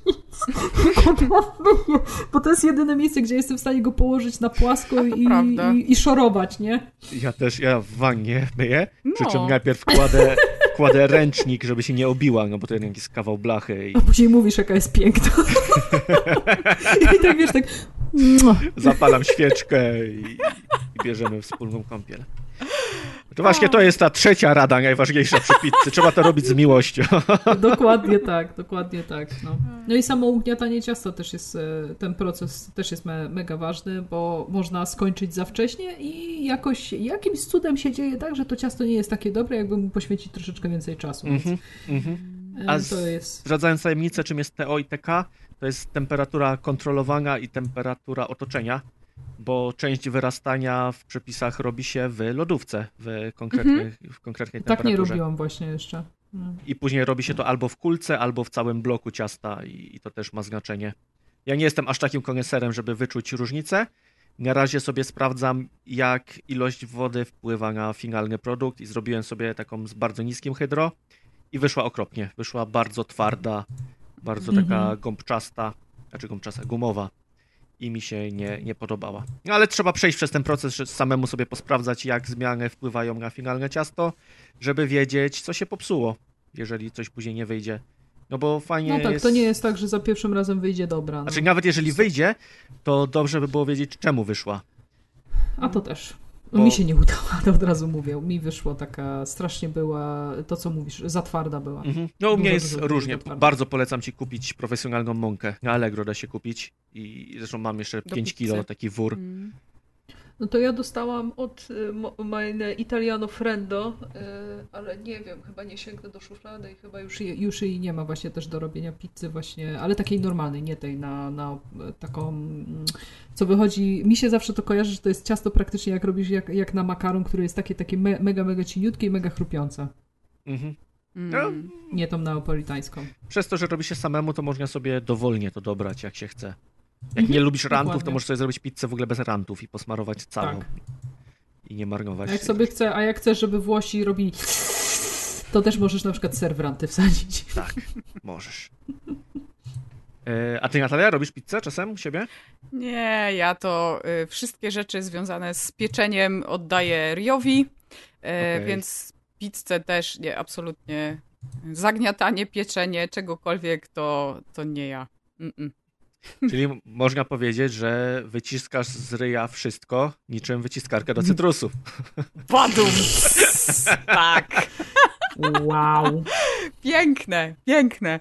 Chciałam wam powiedzieć o y, bardzo prostej y, y, maszynce, znaczy bardzo prostym sprzęcie kuchennym, który naprawdę bardzo pomaga i mm, wydaje się taki e, tak, tak samo e, przydatny jak na przykład ten e, jajowar, mój drugi ulubiony sprzęt, który jakby co jest trudnego w ugotowaniu jajka, nie? Znaczy, no, więc co jest, co jest dziwne, co jest trudnego w wyciskaniu cytrusów. Mm, kupiliśmy wyciskarkę do cytrusów, ale nie taką super fancy, duży, um, sokowirówkę i tak dalej, tylko coś mm -hmm. bardzo, bardzo prostego. E, słuchaczom oczywiście nie wrzucę linka, ale, ale wam wrzucę, jak to wygląda e, i opiszę. To jest e, taka zwykła wyciskarka, jak wyciskarka ręczna, czyli z takim dzyndzlem. Mhm. I na dole ma po prostu pojemniczek, do którego się to wyciska.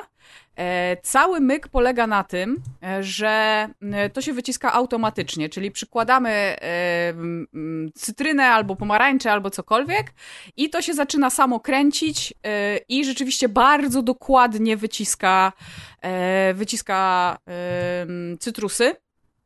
I to jest w ogóle taki totalny game changer dla mnie, bo po pierwsze nie jest to drogie, kosztuje gdzieś, gdzieś koło stówki. Ja mam no. dokładnie tą, którą wkleiłam, czyli y, Philipsa jakąś tam. Podlinkujemy to do, y, znaczy mam nadzieję, że Adek to podlinkuje w opisie. Też mam nadzieję. um, więc y, y, chodzi tylko o sam rodzaj, bo po pierwsze nie jest droga, po drugie nie zajmuje dużo miejsca, po trzecie można ją umyć w zmywarce, co jest zawsze y, ważne. Jak ktoś już zmywarkę ma, to się zawsze kupuje sprzęty pod to, czy się daje, um, daje umyć do w zmywarce. czy nie. No. Um, i, jest takim w zasadzie dzbanuszkiem właśnie z tym, z tym miejscem na cytrusy i strasznie oszczędza czas i naprawdę bardzo dokładnie wyciska cytrusy i dzięki temu praktycznie teraz w każdy weekend mamy sok z pomarańczy, taki świeżo wyciskany, który się robi naprawdę sekundę, nie? Bo mm, bardzo prosto można, bardzo to prosto można zrobić ja kupuję najczęściej y, takie właśnie pomarańcze na sok, które są takie strasznie już y, w środku soczyste. Y, I ten mhm. sok wychodzi taki słodki, i taki intensywny, że i tak trzeba go rozrobić z wodą, przynajmniej jeśli o mnie chodzi. Bo smakuje, bo ja się zawsze śmieję, że on smakuje trochę jak napój, bo jest tak słodki, że aż no. nie do uwierzenia, że to jest, że to jest rzeczywiście sok z, cytrusów, czy z, z pomarańczy. Ja nawet dodaję, to polecam w ogóle taki trik, żeby do świeżo wyciskanego soku e, z pomarańczy, jeśli jest za słodki, żeby dodać przynajmniej jedną cytrynę. I on wtedy jest w takim smaku, do którego jesteśmy przyzwyczajeni, kupując sok w kartonie, bo soki w kartonie nie są aż tak słodkie. One są takie kwaskowate to, trochę bardziej. To się zastanawiam, jak bardzo to jest słodkie, bo ja nawet soki z kartonu rozrabiam z no, wodą, bo nie jestem w stanie Ja tego ostatnio pić. też zaczęłam rozrabiać e, takie, takie prawdziwe soki e, tak samo, bo są... To, to, to jest jeszcze słodsze, naprawdę, więc mm, jeśli nie chce się... Roz... Ale nawet jeśli się rozrabia z wodą, to polecam jedną cytrynę. A w ogóle kupiliśmy to e, dlatego, że latem takiego małego, zrobiliśmy takiego małego lifehacka, którego też bardzo polecam, czyli e, kostki, e, jeśli mrozicie lód, to żeby, i nie macie kostkarki, tylko normalnie mrozicie, mhm. E, to żeby mrozić go od razu z sokiem z cytryny. Cytryny. Mhm. Mm, no, no, wtedy no. zamiast dodawania plasterka cytryny, jak jest gorąco, można po prostu wrzucić kostki lodu, tylko tego soku z cytryny musi być dużo, to muszą być takie naprawdę skoncentrowane, znaczy bardzo kwaśna woda, którą lejemy do kostek lodu. E, no i wtedy się nie trzeba w ogóle e, martwić o jakieś plasterki cytryny, tylko, e, tylko wrzucamy te kostki lodu. I, I oczywiście, ponieważ robiliśmy tego na tony latem, to, to Ryj postanowił, że nie będzie więcej wyciskał. Kupiliśmy wyciskarkę do cytrusów i ona teraz przez chwilę, czy znaczy latem była bardzo używana, potem chwilę leżała, a teraz przeżywa drugą młodość, bo właśnie robimy sobie soki no i tak, najfajniejsze właśnie w niej to jest, że ona bardzo mało zajmuje i nie jest droga i nie jest od razu takim zobowiązaniem, że kupujemy super dużą wyciskarkę do soków i mm -hmm. potem nie robimy, bo będziemy robić zdrowe soki i w ogóle mm -hmm. od teraz już zawsze po prostu smoothie rano, a potem się okazuje, że nic z tego nie ma. I patrzy na ciebie ten, tak. oceniająco, nie? Gdzieś tam z szafki, tak. jakieś zakurzone. Tak, za 800 zł no. czy coś. Mm, a to jest taki e, sprytny gadżecik i sprzęcik i naprawdę jest fajny. Latem naprawdę ratuje tyłek, jeśli się dużo cytryny wyciska, a y, teraz y, kilo czy dwa kilo pomarańczy, 10 minut max i jest bardzo fajny sok.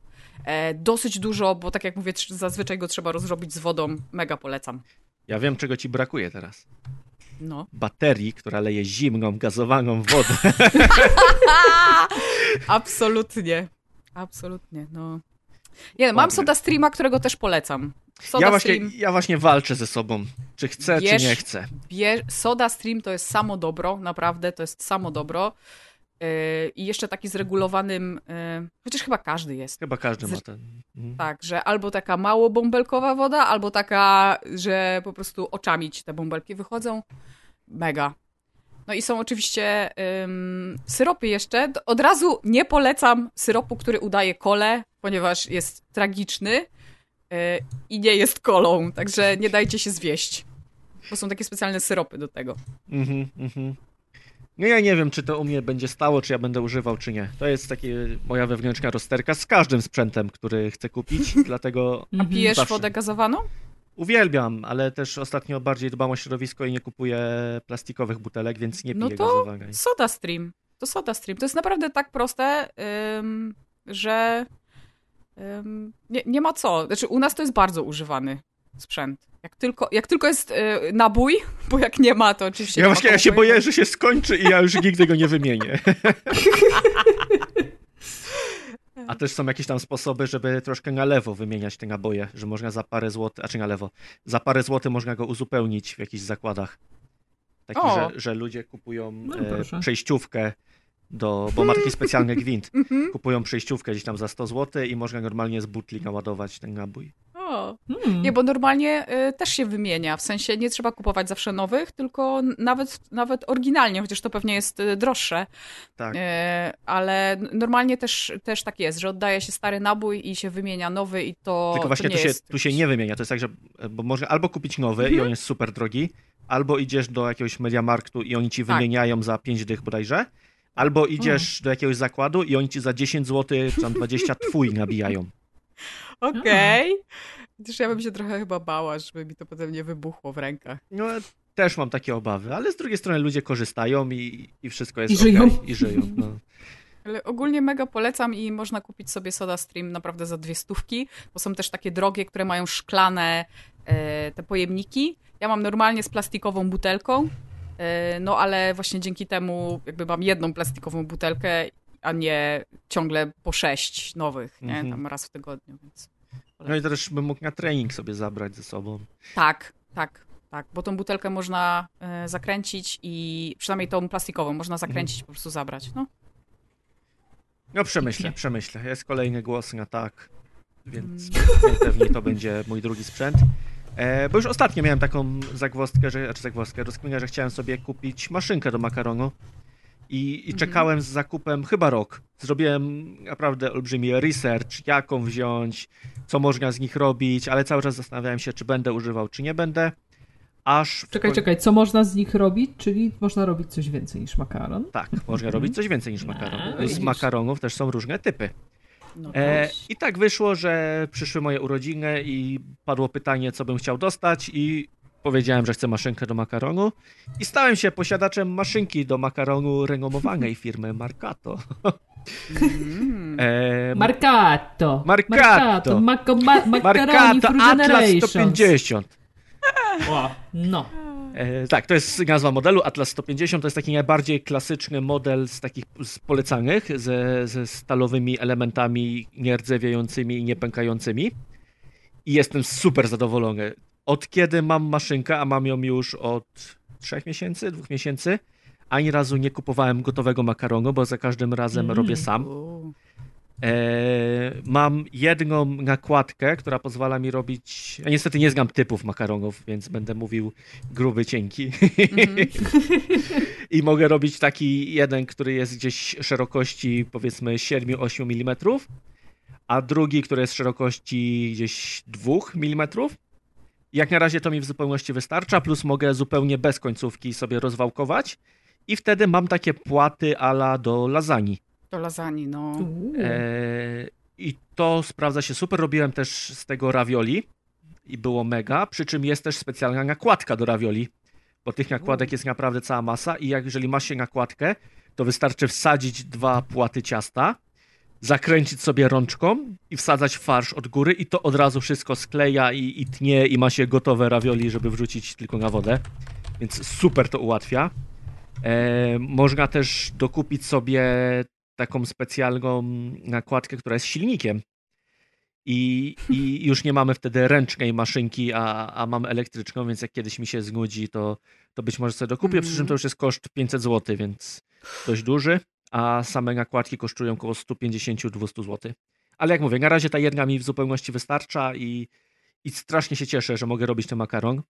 A robię makaron czasem wegański, który jest bez jajka. Właśnie z semoliny jest robiony. E, Tak. tą, którą kupiłem do pizzy. Kolejna rzecz jest taka i coś na co poluję, to jest suszarka do makaronu. To jest taki wieszak jakby, na który odkłada się gotowy makaron, zostawia na parę dni, on się suszy i możemy mieć już wysuszony makaron taki jak ze sklepu, który może leżeć ile się chce i się ja nie mogę psuje. ci sprzedać starożytny, na pewno pamiętacie, starożytny sposób na suszenie makaronu. Mhm. Nie wiem, czy pamiętacie, ale mi teraz wjechała taka nostalgia, po prostu jak opowiadasz, Adek, o tym makaronie. Stol, nie, nie wiem, czy u was tak było, moja babcia tak robiła.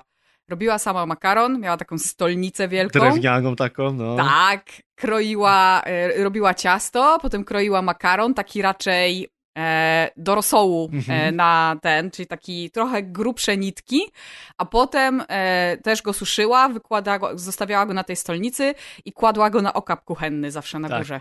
Tak, dokładnie tak można robić. No przy czym ja w mojej kawalerce, to wiesz, każda oszczędność miejsca jest spoko. A suszarka do makaronu jest fajnym tworem, bo sprytnie to wymyślono, jak to działa. E, już ci podeślę link za chwilkę. Mhm. E, bo śmiesznie wygląda. To jest taki stojak z e, odstającymi odnogami, na który kładzie Mhm. się makaron. Taki troszkę na pranie czasem takie rzeczy są. Tak, to prawda, to prawda. No i to zajmuje Ale- mało miejsca i... i, I to po prostu się suszy, to Tak. nic więcej nie Ej, robi. wygląda zajebiście ta suszarka. Tak, jest świetna. E, aha, i samo wałkowanie ciasta. Jezus, to było zawsze najgorsza część, czyli wywałkowanie ciasta tak, żeby był Mhm. cieniutki i, i żeby szło go kroić. I mi się nigdy nie chciało tego robić. W Nie, maszynce też. to jest chwila, moment. Wrzucam, przekręcam, wyjeżdża mi płat, ustalam sobie jaką chcę grubość i, i kilka razy go przepuszczam przez, przez tą prasę. Mam tam kilka trybów tych, tych grubości. Jak na razie, bo ich jest dziewięć, i ja jestem za miękki, żeby robić na dziewiątkę. Bo, bo wtedy to jest praktycznie przeźroczysty arkusz papieru. Takiej grubości jest ten makaron. Ja z reguły robię na szóstce, siódemce, bo lubię jak ten makaron jest trochę grubszy. Ale pytałaś Madzia, co jeszcze można robić? E, No właśnie. No, no, Pierogi. Ciasto na O, pierogi ciasto na można pierogi. tak No samo tak, rozwałkować. No. Przez chwilę myślałam, że można wszystko tam rzucić i samo pieroga zrobić. No, jeżeli masz to nakładkę do ravioli, to tak. To, to zrobi ci, ci Wow. samo pieroga. Y, W sensie zlepi. i- Tak, zlepia i wsadza farsz do środka i kroi. Wow. No. Jest to ułatwienie, ale samo rozwałkowanie ciasta na pierogi też jest genialne i to od razu jest mamy dobre. taki równy prostokąt, więc jak Mhm. kogoś drażni to, że są nierówne pierogi, to z tego można bardzo łatwo właśnie również tam kwadraciki czy, czy prostokąty wyciąć. Jestem Mega. super zadowolony. Bardzo łatwo się to czyści, nie zajmuje dużo miejsca. Eee, mega, mega polecam. Chyba mój ulubiony sprzęt obecnie w domu. Nawet teraz, jak, jak, jak rozmawiamy, to już mam w głowie, że dzisiaj będę miał makaron. Z reguły, Mm. jak robię sobie taki, żeby troszkę ususzyć, to jak mam świeży, to muszę trochę ugotować i nawet sam z jakąś tam oliwą podjeść, bo jest Mhm. tak dobry. No i można doprawiać dowolnie, no bo ciasto na makaron to jest jajko, mąka, woda i olej. Tak. Jasne. A bardzo łatwo je modyfikować dodając przyprawy. Czy to, nie wiem, jakiś tam czosnek w proszku, czy wędzoną paprykę. Ja ostatnio się bawię w barwienie makaronu. I Mm. mam e, sepię tą z, z, z, z, z ośmiornicy, Mhm. żeby na czarno bawić. Dodaję sobie trochę kurkumy, żeby na żółto. To Mhm. nie zmienia za dużo, ale te kolorki są ciekawe i Ciekawe. No ładnie na talerzu Dokładnie. wyglądają. tak, dodają trochę radości w gotowaniu, szczególnie, że ja lubię gotować kolorami i lubię jak, jak jakoś tam to się kolorystycznie zgrywa. To szpinak, szpinakowy, Tak, też można, zielony. też można. Mhm. Jeszcze nie próbowałem robić innych jakichś tam wariacji, właśnie dodając warzywka na przykład, czy, czy potartą marchewkę, czy, czy, czy ten szpinak. O, no, no, no, no. No ale też będę próbował. Na razie to, co najdalej miałem, to zrobiłem dwukolorowy makaron, bo jeden zrobiłem żółty, drugi zrobiłem czarny i w trakcie wałkowania skleiłem je razem i, i one tam, wiecie, jak przejeżdżały sobie przez prasę, no to, to się łączyły Mhm. Super. w Mega. bardzo fajną rzecz. A mówiłeś coś o ym, ym, tym, jak ktoś nie ma makaronu w domu. No tak, no to, to Jak może to- sobie ale- zrobić. Aha, to był ten, to był ten system, okej. Tak, ale bo, bo chodzi o to, że, że mąkę masz prawie zawsze w domu. No tak, A jak nie masz, to tak. kupisz. A czy dobra, makaron też możesz kupić w żabce. Ale zazwyczaj ta mąka jest. I jajko Tak. jakieś też się znajdzie. I zrobienie makaronu jest super proste, to, to w ogóle nie jest skomplikowane, ciasto się ugniata przyjemnie. No okej, okay, no trzeba chwilę się pobawić z wałkowaniem, ale to też nie ma tragedii, jak robi się na jeden obiad. Mhm. I naprawdę jak komuś zależy, żeby był makaron do obiadu, to zrobienie go samemu raz, że jest dużo bardziej smaczne i daje dużo frajdy, a dwa, no awaryjna sytuacja jest mega. I kolejna rzecz, jaką można robić w tym, to jest maca. Ja, jako że staram się mm, ograniczać tak. pieczywo, to, to, to robię sobie macę. No i a maca to jest tylko mąka z wodą, więc to już w ogóle mm. każdy ma w domu. E, też wałkuję sobie w ten sposób i mam porcję równej wielkości i bardzo łatwo mi wtedy do diety to dopasować, no bo wiem dokładnie ile mam. próbowałeś na przykład to w tej jeszcze... maszynce do makaronu robić focaccia? Do makaronu, ale w focaccia masz przecież yy, taką... Nie, ale tak się zastanawiam, czy, czy to ma... No ja wiem, że to jest taka ala pizza, tylko chodzi mi tak w sumie... Znaczy nie, no focaccia jest bardzo gruba, więc tutaj to nic, nic, nic mi... Raczej nie, nie, bo to raczej w drugą stronę. A, taką cieniutką robisz? Na grubo, no. To nie, to nie, nie próbowałem. Znaczy, bo wiesz, no bo to wałkuje na milimetr, więc mm -hmm, nie wiem, czy aż mhm, taką. Mhm. To podrzucę w, taki, takim razie jeszcze jeden pomysł na, yy, na szybko w sumie, bo mówisz, że robisz macę, to jeszcze możesz sobie robić podpłomyki. Znaczy, Dokładnie podpłomyki tak samo. maca to jest prawie to samo. Znaczy... No tak, tak, tylko to zależy jak, zależy jak tam później obrabiasz to mhm. tak naprawdę. No ale podpłomyki też dokładnie, dokładnie to samo, mąka, woda, sól, i tak. na suchej patelni. Mhm. Ja robię w piekarniku. Bo Dobre, jest... bo polskie, a nie jakieś tam zagraniczne. I też no. można doprawić. Właśnie e, mhm. czosnek granulowany jest super. Do, do rozmaryn. Mm. O, rozmaryn. Muszę spróbować. E... Rozmaryn w ogóle jest bardzo dobry do rzeczy mącznych. Mi strasznie za, zasmakował. Nawet ten makaron e, taki grubszy czy coś super. W ogóle bardzo fajna przyprawa, ale łatwo z nią przesadzić. Jak ze wszystkimi przyprawami. Ale też od kiedy No ale to jest taka, soli... że dodasz, wiesz, no, to... że dodasz dosłownie dwa płatki za dużo, to już jest takie... Okej, okay. no kwestia wprawy.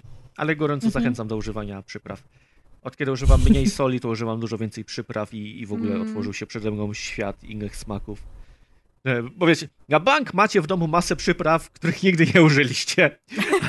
Albo użyliście raz. Mhm. No. U mnie taką przyprawą są goździki. I... Chyba tylko do grzańca. A ja mam ich chyba cztery paczki. I... Goziki wiecie, do czego są dobre? Jak was boli gardło. O. A. A, nie znacie. Goździk to jest um, rozgryziony goździk. To jest taka trochę hardkorowy temat, ale ten e, je, ma działanie przeciwbólowe. E, I e, naprawdę działa, to jest, taki, to jest taki system, który gdzieś tam jeszcze na szychcie, na etacie dostałam. I rzeczywiście, jak was boli gardło i nie macie żadnego przeciwbólowego na gardło w domu, to spróbujcie sobie rozgryźć i pogryźć trochę, nie, nie zjeść, tylko pogryźć, żeby te, te wszystkie soki z niego wyszły, goździk. Tak samo jak boli to ząb chyba nie na może przykład. być dobre. Polecam. Super. Polecam, działa. Super. W sensie, a jaki smak, smak jaki ma? Bardzo gorzki chyba, co? Go, y, gorzki, tak, tak, gozik jest gorzki. Bardzo, to nie jest takie gorzkie, że nie wytrzymasz, ale dosy, on jest taki gorzki, trochę ostry. Mhm. No. Mhm. Dobrze. Jedzcie goździki. Ogólnie jedzcie. Warto jeść. Warto, nie, nie, nie. Warto jeść A dobrze. jaka jest, jaka jest przyprawa na przykład, którą e, używacie często, a nie jest taką przyprawą często używaną, jeśli rozumiecie o co chodzi. Kurkuma do wszystkiego praktycznie. Okej, okay, ja jak odkryłem chyba, że mam uczulenie na kurkumę. O kurczę, czy... jak się objawia uczulenie na kurkumę? Mam wrażenie, że mi twarz ściąga, jak zjem coś z kurkumą. A ona chyba jest ten... Y ona chyba, chyba y, jest y, hydro, nie wiem co. W każdym razie ściąga wodę. Możliwe to jest. I mam takie wrażenie, że, takie, że jakby lekko opuchnięta, ale takie wiecie, nie, że się duszę, jak to zjem, mhm. ale też czuję lekki Tylko dyskomfort. coś jest inaczej, tak? tak coś jest coś inaczej. Jest inaczej. I, I, mam takie podejrzenie, a czy dalej ją jem? Więc być może jak kiedyś mnie znajdziecie spuchniętego, no to kurkuma. yy, Kurczę. Nie, ale kurkuma jest super przyprawą, bo zmienia troszeczkę smak potraw, ale y, tak o ton, więc jest bardzo przyjemna w y, używaniu. Ja nawet czasami sobie potrafię kanapkę posypać. O, kurde. Super. No, ja, ale ja mam takie fazy, że czasami jakby, jak miałam kiedyś fazę, to wsypałam na kanapkę na przykład, nie wiem, jest taka przyprawa, że są po prostu suszone pomidory w, mhm. w proszku i to się nazywa chyba zioła toskańskie, coś takiego. I to też Dobra, sypałam na kanapkę, bo miałam wtedy wrażenie, że jak jadłam kanapkę, to że tak naprawdę jem pizzę. I, No, więc ja mam takie fazy, fazy po prostu na różne przyprawy i teraz mam właśnie fazę na to. to jak kumin. Kumin, absolutnie. o tak, właśnie, tak, kumin też to jest, to jest to samo co kmin rzymski, tak? To jest te takie Tak, tak. kepsowe. Tylko, Y, tak. No trochę E, tak. No. Meksykańskie, meksykańskie kepsowe, tak. No. Jest pycha. Ostatnio odkryłem i, i też Mhm. używam już teraz do Kumin wszystkiego. jest cudowny. Kumin, ja bardzo, bardzo lubię. Właśnie, e, kuminu, ponieważ ja do, używam do wszystkiego, to do tego szarpanego kurczaka też tam zawsze sypnę kuminu, także polecam. Mhm. E, O, i to do, ryżu na przykład kumin jest super. Mm, I do szakszuki też bardzo często. O, tak. Szakszuka jest Tak, tak, zawsze tak. zawalona kuminem. Jest super. No, takie y, indyjskie przyprawy nam tu wleciały. A ty Adek czego używasz? E, dzień? bo ja miałem powiedzieć właśnie kmin rzymski, No. ale jak, A, jak. Natalia Mhm. rzuciła, to płatki drożdżowe. To jest moje Właśnie- odkrycie, jak przeszedłem Mhm. na bezmięsne. Tak, no bo to jest przyprawa. To jest Okej. coś, co dodaje ci takiego parmezanowego smaku. No to właśnie, sobie sypiesz na różne rzeczy. Nie wiem, nie używałam nigdy chyba, więc płatku, płatków tłuszczowych? Polecam. Tak, tak, to jest próbować. zamiast sera, no. Jest No. bardzo Czy nie serowe. zamiast? Bardzo serowe. Jest bardzo? Tak, znaczy. Mhm. No wiesz, serów też są różne smaki, nie? I, i, cie, nie wiem, I ciężko powiedzieć, że to jest serowe, ale to nie będzie gouda, tylko bardziej parmezan, ale Parmezan. też czuję, że jest taki inne. uma, umami. Taki Dużo umami umami ma, no. tak, ma bardzo Mhm. dużo umami. A ostatnio przeczytałem też, jak się robi taki w domu, e, bo dołączyłem O. do grupy jadłonomii na Facebooku i tam jest dużo Mhm. przepisów. I Mm. jedna z kobiet tam robiła, po prostu suszy się drożdże. Się miesza O. z, chyba z wodą czy z mlekiem, daje im wyrosnąć, a później się w piekarniku wypieka, żeby się wysuszyły. I podobno Żeby umarły. jeszcze, tak, żeby umarły, to prawda. One są nieaktywne. Mhm. E, do wielu rzeczy używam tego. Właśnie z reguły, jak chcę dodać sobie tego serowego posmaku, lub jak nie mam Mhm. pomysłu, jak coś będzie smakowało, to dorzucam płatki drożdżowe, żeby sprawdzić. No, bardzo lubię zrobić coś takiego, jak na patelni podsmażyć trochę sałaty z Mhm. granulatem sojowym. I do tego dodaję różne przyprawy, i to jest z reguły moja kolacja. I jeżeli chcę iść w klasykę, to daję właśnie kmin rzymski, znaczy kmin rzymski. A jeżeli chcę eksperymentować, to, to te płatki drożdżowe albo jakieś dziwne przyprawy. Ostatnio sobie dokupiłem aromat dymu wędzarniczego, ale Mhm. jeszcze nie użyłem, bo na razie się boję. Hmm. Muszę poczytać o tym, jak, jak, jak No tego używać. Y, y, Kiedyś rozkminialiśmy ten temat i się okazało, że podobno y, wędzenie aromatem, czyli takimi sztucznymi y, y, preparatami jest zdrowsze niż Zdrowsze. prawdziwe wędzenie. W którymś nagraniu to też mówiłyśmy, nie? Tak, tak, no, tak, tak. No, no, no. No. I chętnie sobie sprawdzę. Ale na urodziny dostałem jeszcze jeden sprzęt. Dostałem U. airfryera, Pokor. No, o, którego Kubar w poprzednim odcinku zachwalał i, i dostałem i już wiem dlaczego on się zakochał i dlaczego jest tak dużo memów Mhm. o tym, bo też jestem zakochany.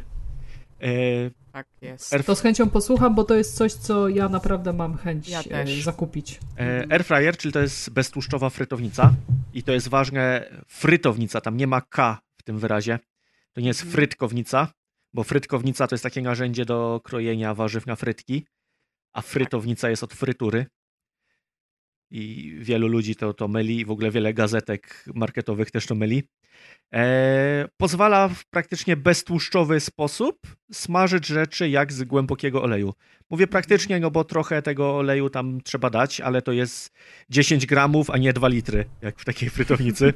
A nie, a nie cały garnek. tak. E, w smaku jak... Zostaw te drzwi! Przepraszam. Daenerys! Oj, kurde, znowu zap... Macia, nie wyłączyłaś mikrofonu.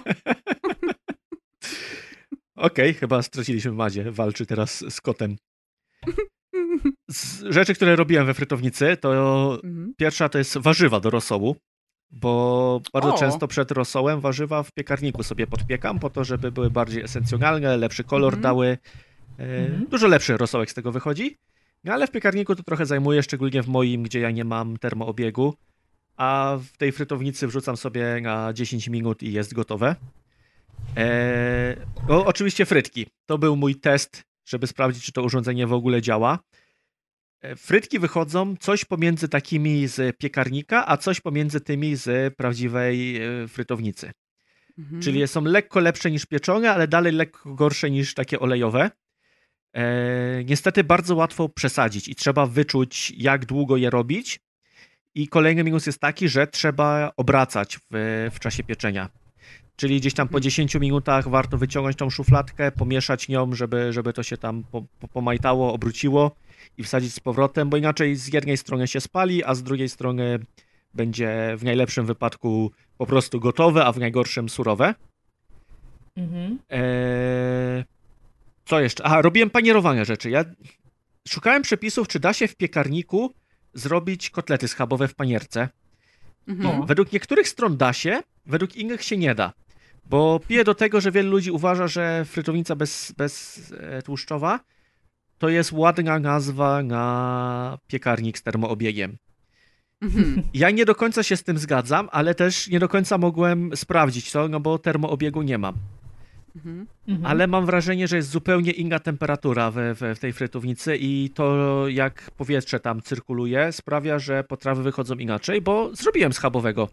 W smaku był troszkę bardziej, znaczy w konsystencji był troszkę bardziej twardawy, przynajmniej na Mhm. pierwsze wbicie widelca, ale już Mhm. przy gryzieniu w smaku był całkiem ok, był mięciutki, był gotowy w środku, panierka się zrobiła, przy czym zrobiła się dopiero za drugim razem, bo za pierwszym razem zrobiłem 100% bez tłuszczu, w ogóle nie było nic Mhm, tłuszczu w mhm, środku mhm. i widocznie panierka nie miała z czego złapać wilgoci i, i była praktycznie surowa. No jasne. Więc to nie jest tak, że jest no-brainer, trzeba trochę powalczyć z tym urządzeniem i popróbować różne rzeczy, żeby, żeby coś konkretnie wyszło. Moja frytownica ma pojemność 3,8 litra i przez to, że ja głównie jestem warzywny i głównie warzywa w niej robię, to do jednego obiadu ona jest prawie pełna dla jednej osoby. Okej. Mhm. Przy czym ja gotuję pod konkretną kaloryczność, więc z warzyw tych kalorii, żeby ubić, to wychodzi dużo warzyw, bo ja lubię Mhm. mieć dużą michę jedzenia. Więc e, jeżeli to by miało być na przykład dla czterech osób, to wydaje mi się, że 3,8 litra już jest za mało, ale dla dwóch osób i żeby tam zrobić jakieś mięsne rzeczy, czy, czy, czy właśnie jakieś Czy frytki, jakieś dodatki? czy dodatki, coś, nie? tak, No. to, to nie ma problemu. Robiłem sobie taką rybę pieczoną i wyszła super. E, robiłem skrzydełka z kurczaka w panierce z, z płatków KFC? kukurydzionych A, mhm. i też wyszło i było bardzo dobre. E, jeszcze minusem dla mnie jest to, że ona żre bardzo dużo prądu, bo to jest Mhm. 1500 watów, co jest dużo. Mhm. E, Ale ona też nie chodzi długo. Ale nie chodzi długo, tak. Y, To, co najdłużej robiłem właśnie frytki, to to jest 20 minut. No więc, Źle. Nice. więc jest spoko, no ale trzeba się z tym liczyć, żeby wiecie, teraz nie, nie używać tego do, nie wiem, robienia herbaty na przykład, nie? Do, do podgrzewania sobie wody. E, Herbata z airfryera. bardzo łatwo jest to umyć, e, bo słyszałem też taki argument, że, że to jest upierdliwe w myciu. Wcale nie, bo z całego urządzenia wysuwa się taką szufladkę i no ta szuflada to jest po prostu duża miska. W środku jest jeszcze sitko, które też się wyciąga i też się myje. E, Ja mam airfryera marki Ninja. Niestety nie pamiętam teraz modelu. Uuu.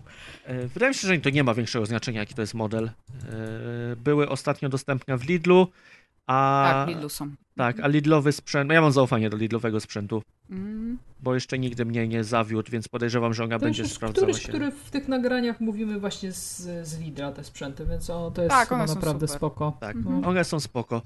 E, Madzia, chcesz może się dogadać? Mogę ci kiedyś pożyczyć tą frytownicę i sobie zobaczysz, jak ci się jej używa. Z chęcią sobie zrobię frytki. No. Bo, bo jak nie jesteś pewna, to, to, to zobaczysz, czy ci się to sprawdza, czy nie Z sprawdza. chęcią. Ja, ja, ja z chęcią bym robiła warzywka, bo ja na przykład lubię warzywka lekko, lekko złapane, ale wciąż chrupiące i się zastanawiam, czy na przykład wrzucenie skrojonych warzyw do, do tego by troszeczkę mi e, nie, nie pomogło w tempie, wiesz, przygotowywania To na tego. pewno, ale też mówię, bardzo łatwo przesadzić i bardzo łatwo zrobić zbyt chrupkie, czyli wiesz, węglowe, Mhm. nasze śląskie. Ma- Najlepsze. Znaczy, one też są dobre, bo ja lubię takie... Przepraszam, bo Natalia się oburzy twoje śląskie, ja jestem z Zagłębia. Eee, nie, nie, nie. Czekałam na to. E, na razie strasznie się cieszę z tej frytownicy. Robię raz w tygodniu sobie rzeczy właśnie ze względu na oszczędność prądu, ale to jest tak, że, że czekam, kiedy będę mógł jej użyć. Bo, bo smakują mi te rzeczy. No, lubię takie chrupkie, tak jak mówisz, i, i cieszy mnie to, że mogę użyć tylko trochę oleju. Tak, to, no to jest dla mnie najważniejsze, bo Mhm. jednak jak chce się większej ilości robić, na przykład nie wiem, nawet na łoku, który jest cały czas moim ulubionym, Tak. ulubioną rzeczą w kuchni, tak. e, to jednak ten air- air fryer mi się wydaje, że jest, że jest lepszy. Bo ja na przykład szybkie dania, e, to tak wracając szybciutko do makaronów, to na przykład ten udon, e, co wspominaliśmy wcześniej, który jest taki szybki, że go tylko na minutę się wsadza do wody, to ja go wrzucam bezpośrednio na łoka, skrajam, skrajam warzywa, dosłownie podsmażam to 5 minut, wrzucam sos i na talerz i już jest, nie? Mhm. Okej. E, No, ale to wciąż to jest więcej oleju na pewno do tych samych warzyw niż w tej fry, w, frytownicy, nie? Mhm, No mhm. i przede wszystkim właśnie wydaje mi się, że chociaż to jak jeśli ktoś dużo robi w, chociażby samych frytek, e, to, to jest jakby ta oszczędność kaloryczna, albo tak jak my mamy, mamy frytownicę, tą taką prawdziwą, taką niedużą, ale ze względu na jakieś tam zdrowotne tematy raczej robimy fryty w piekarniku i one są Mhm. jak wyjdą. Mhm. Znaczy, ryj ma jakiś specjalny system i sposób, że trochę się je piecze tak, potem trochę na termoobiegu, potem coś tam jeszcze, wiecie, takie tam obraca trzy razy, wiecie, Mhm. A nie nie, tańczy takie słoń, skwarki, ta, nie? taniec słońca i one są A dobre. moczy w wodzie ale z cukrem? Nie, A warto, E, warto. Musisz... ale to wiesz, to, to ja mówię nawet o takich gotowych, już nawet nie mówię o krojonych okej. ziemniakach, nie? Ale prawda jest taka, że jak wyjdzie, tak wyjdzie, nie? Mhm. A, y, i, I czasem wychodzi tak sobie. A rzeczywiście w tym airfryerze może, może będzie trochę lepiej. Ja go trochę używam Mhm. też jako zamiennik e, mikrofalówki. Taki O! zdrowszy. E, akurat wczoraj miałem ochotę na, na niezdrowe jedzonko. E, a okazało się, że miejsce, gdzie chciałem zamówić, akurat było zamknięte. I O. kupiłem sobie burgera w Biedronce. Takiego do, do odgrzania w mikrofali, ale ja nie mam Gotowego, mikrofalówki. no. I, I skroiłem sobie ziemniaczki do, do airfryera, wsadziłem też tego burgera i w nim go odgrzałem i był bardzo smaczny. Mhm. Więc da się. Ja tylko Super. znowu ten prąd, nie? Więc to też nie jest taki 100% zamiennik. Plus nie wszystko, co w mikrofalówce da się zrobić, to da się zrobić w tym airfryerze. Mhm. Ale polecam. Polecam spróbować, jeżeli ktoś ma okazję, to, to, to, to jest super. Czyli zupy nie ma co wlewać. Nie ma co. Do zupy to wiadomo, że tylko wolnowar. Nie, nie, Tak. nie ma Tak. potrzeby. No, ale wiecie, najpierw sobie wypiekę warzywka w, w airfryerze, później wrzucam go do, te, te warzywa do, do wolnowaru i, i się dzieje magia. To powiedz mi, Mhm. ile w tej kawalerce masz wolnego bratku w kuchni? Niewiele. Na tyle, że maszynkę do makaronu ściąga. Bo, bo, bo ta maszynka, nie powiedziałem, to jest taka, że się taką śrubą przyczepia do blatu.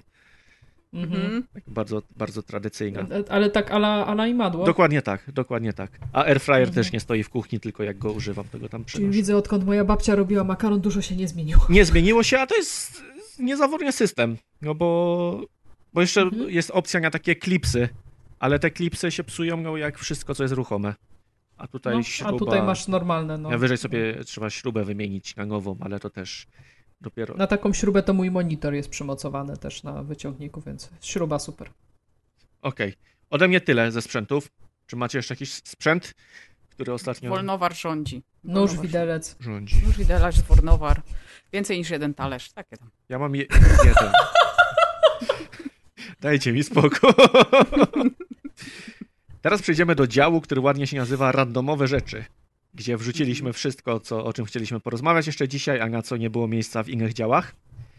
E, I Natalia. A może ja? Albo Madzia. To ja. Okej. To, bo ja mało, mało na razie mówiłam. Dawaj. E, Bo ja ostatnio mam, e, jak mówię, ja, ja zawsze mam fazy na coś. I to jest tak, że ja co, je, jem coś na przykład przez pół roku, a później bardzo długo tego w ogóle nie jem.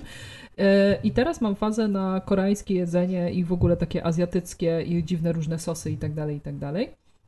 E, I e, chciałam coś opowiedzieć o bardzo prostym też daniu, bo ja jestem fanką sz, szybkich rzeczy, a dobrych które można zrobić dosłownie w 10 minut. Niestety wymaga to tak jakby już trochę przygotowanych składników, ponieważ ostatnio sobie złożyłam zamówienie z takiego koreańskiego sklepu.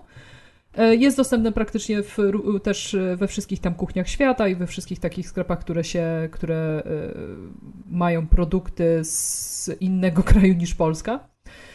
E, I chciałam powiedzieć o e, kluskach ryżowych, które się nazywają, mam nadzieję, że to dobrze powiem, teteokboki.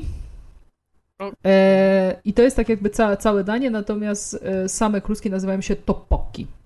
Mam nadzieję, że tutaj się nie, nie, nie pomyliłam. E, I tak po, polecaliśmy bardzo dużo blogerów, kanałów na YouTubie. Ja bardzo polecam dwa kanały, jeśli chodzi o kuchnię koreańską, chociaż dziewczyny też się zajmują innym, inną tematyką. Pierwsze to są pierogi z kimchi, Mhm. A drugie to jest Pyra w Korei.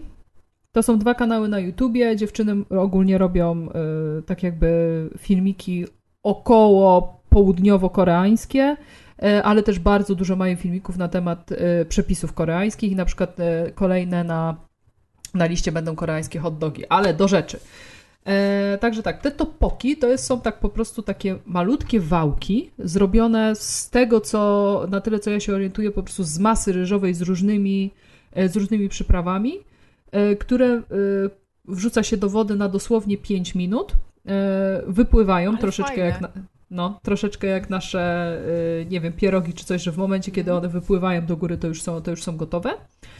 E, ale one mają, nie wszystkim będą prawdopodobnie smakować, bo one są dość kleiste. One po prostu, jak je się je, to tak ciamkają, przyklejają się trochę do zębów, Mhm. natomiast w smaku są bardzo, bardzo, bardzo, bardzo fajne.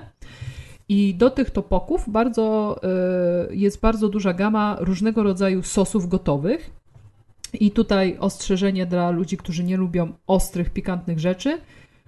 Koreańskie sosy, cokolwiek byście nie, zamu- nie, nie zamówili, nawet jeśli jest napisane, że jest e, słodko-kwaśny, albo napisane, że w ogóle ma jakiś smak, to wszystko będzie ostre. I będzie ostre bardzo. Więc to, e, to ostrzegam. E, Ja wtedy z, do zamówienia sobie wrzuciłam sosy firmy e, Sempio i właśnie tam miałam ten e, sos sweet and spicy i był bardzo, bardzo, bardzo dobry. I na ostrość był trochę de, delikatniejszy, ale zamówiłam też taki zielony sos, który był po prostu chyba spicy, nie pamiętam niestety. Mhm. E, Takie zielone, zielone opakowanie i on za przeproszeniem już wy, wy, wypalał mordę. Ale paradoksalnie ten sos jest tak dobry, że zjadłam, wypaliło mi mordę, cierpiałam później dwie godziny, ale było super. Więc Super. Naprawdę bardzo, bardzo polecam. I e, tak szybciutko, jak ja na przykład e, robię sobie, sobie danie, ponieważ zwyczajowo e, z topokami mm, je się po prostu je z sosem.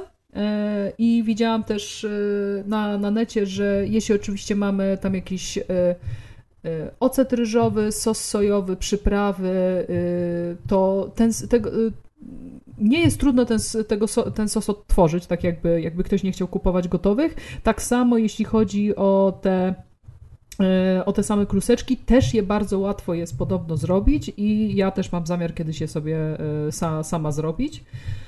Zobaczymy jak wyjdzie. Ja właśnie szukam na- przepisu, bo wygląda genialnie. Mhm. Tak, no wygląda bardzo fajnie na talerzu. E, No, oczywiście problem jest zasadniczy taki, że po ugotowaniu one się trochę kleją. Trzeba je niestety te- troszeczkę, gdzie wiem, że puryści makaronowi tego nie robią, ale ja na przykład przepłukiwałam wodą, e, żeby się troszeczkę mniej, e, Mhm. mniej kleiły. No i na talerz. Ale co, do- co do tego? No sos, sos gotowy, no to wiadomo. E, I właśnie to co, to, co wspominałam wcześniej. Ja po prostu rzucam na łoka dosłownie łyżkę stołową y, oleju albo czegokolwiek używa, używacie do, do smażenia. Ja używam oleju rzepakowego. E, Wrzucam, rozgrzewam bardzo mocno ten olej i wrzucam skrojone warzywa. I ostatnio to był, jak jest po polsku eggplant? Yy, bakłażan. Bakłażan. Tak, skrojony bakłażan, cukinia, pomidorki, papryka żółta, papryka zielona i tyle. I to dosłownie na 5 minut wrzucam na łoka. E, Podsmażam do chrupkości, bo ja lubię akurat bardzo jak są, e, jak są warzywa chrupkie. Do tego później skręcam. E, O Jezu, jaka głodna jestem. Później e, skręcam, e, skręcam ogień i dolewam po prostu tego sosu, tak tylko, żeby troszeczkę oblepić te warzywa. Przypominam, że te sosy są ostre, więc nie chcecie mieć za dużo sosu, chyba że Mhm. jesteście takimi mega odpornymi ludźmi na, na ostre i was to nie, to nie ruszy. I później po, prosto z łoka sobie przekładam na już te ugotowane topoki i mam gotowe danie i całość zajmuje około 10-15 minut. No ale oczywiście biorąc pod uwagę to, że i sos i już te kluseczki mam, e, mam gotowe. Natomiast z tego co widziałam, te kluski bardzo łatwo później jest przechowywać, e, bo one jeśli nie wyschną, to w każdej chwili jest, jesteśmy w stanie je e, je ugotować i chyba też je można później po zrobieniu z, za, zamrażać i też nie powinno być żadnego problemu, więc można ich narobić na pół roku i później schować do, do, e, do zamrażalnika i będzie fajnie. Ja ogólnie polecam sobie e, sobie kupić te kluseczki na początek. Je, jedno opakowanie w jakimś tam, to jest 500 gramów, e, to jest mniej więcej mała porcja na dwie osoby. To jest chyba około 12-14 zł, więc na spróbowanie można.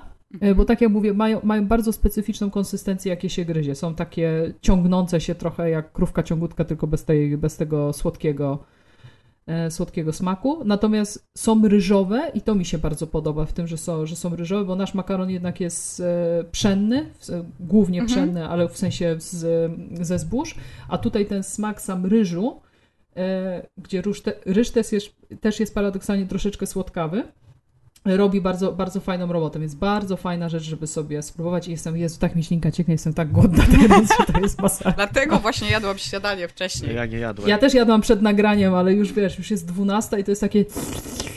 No. No. Dla uzupełnienia tylko dodam, że ryż też jest zbożem.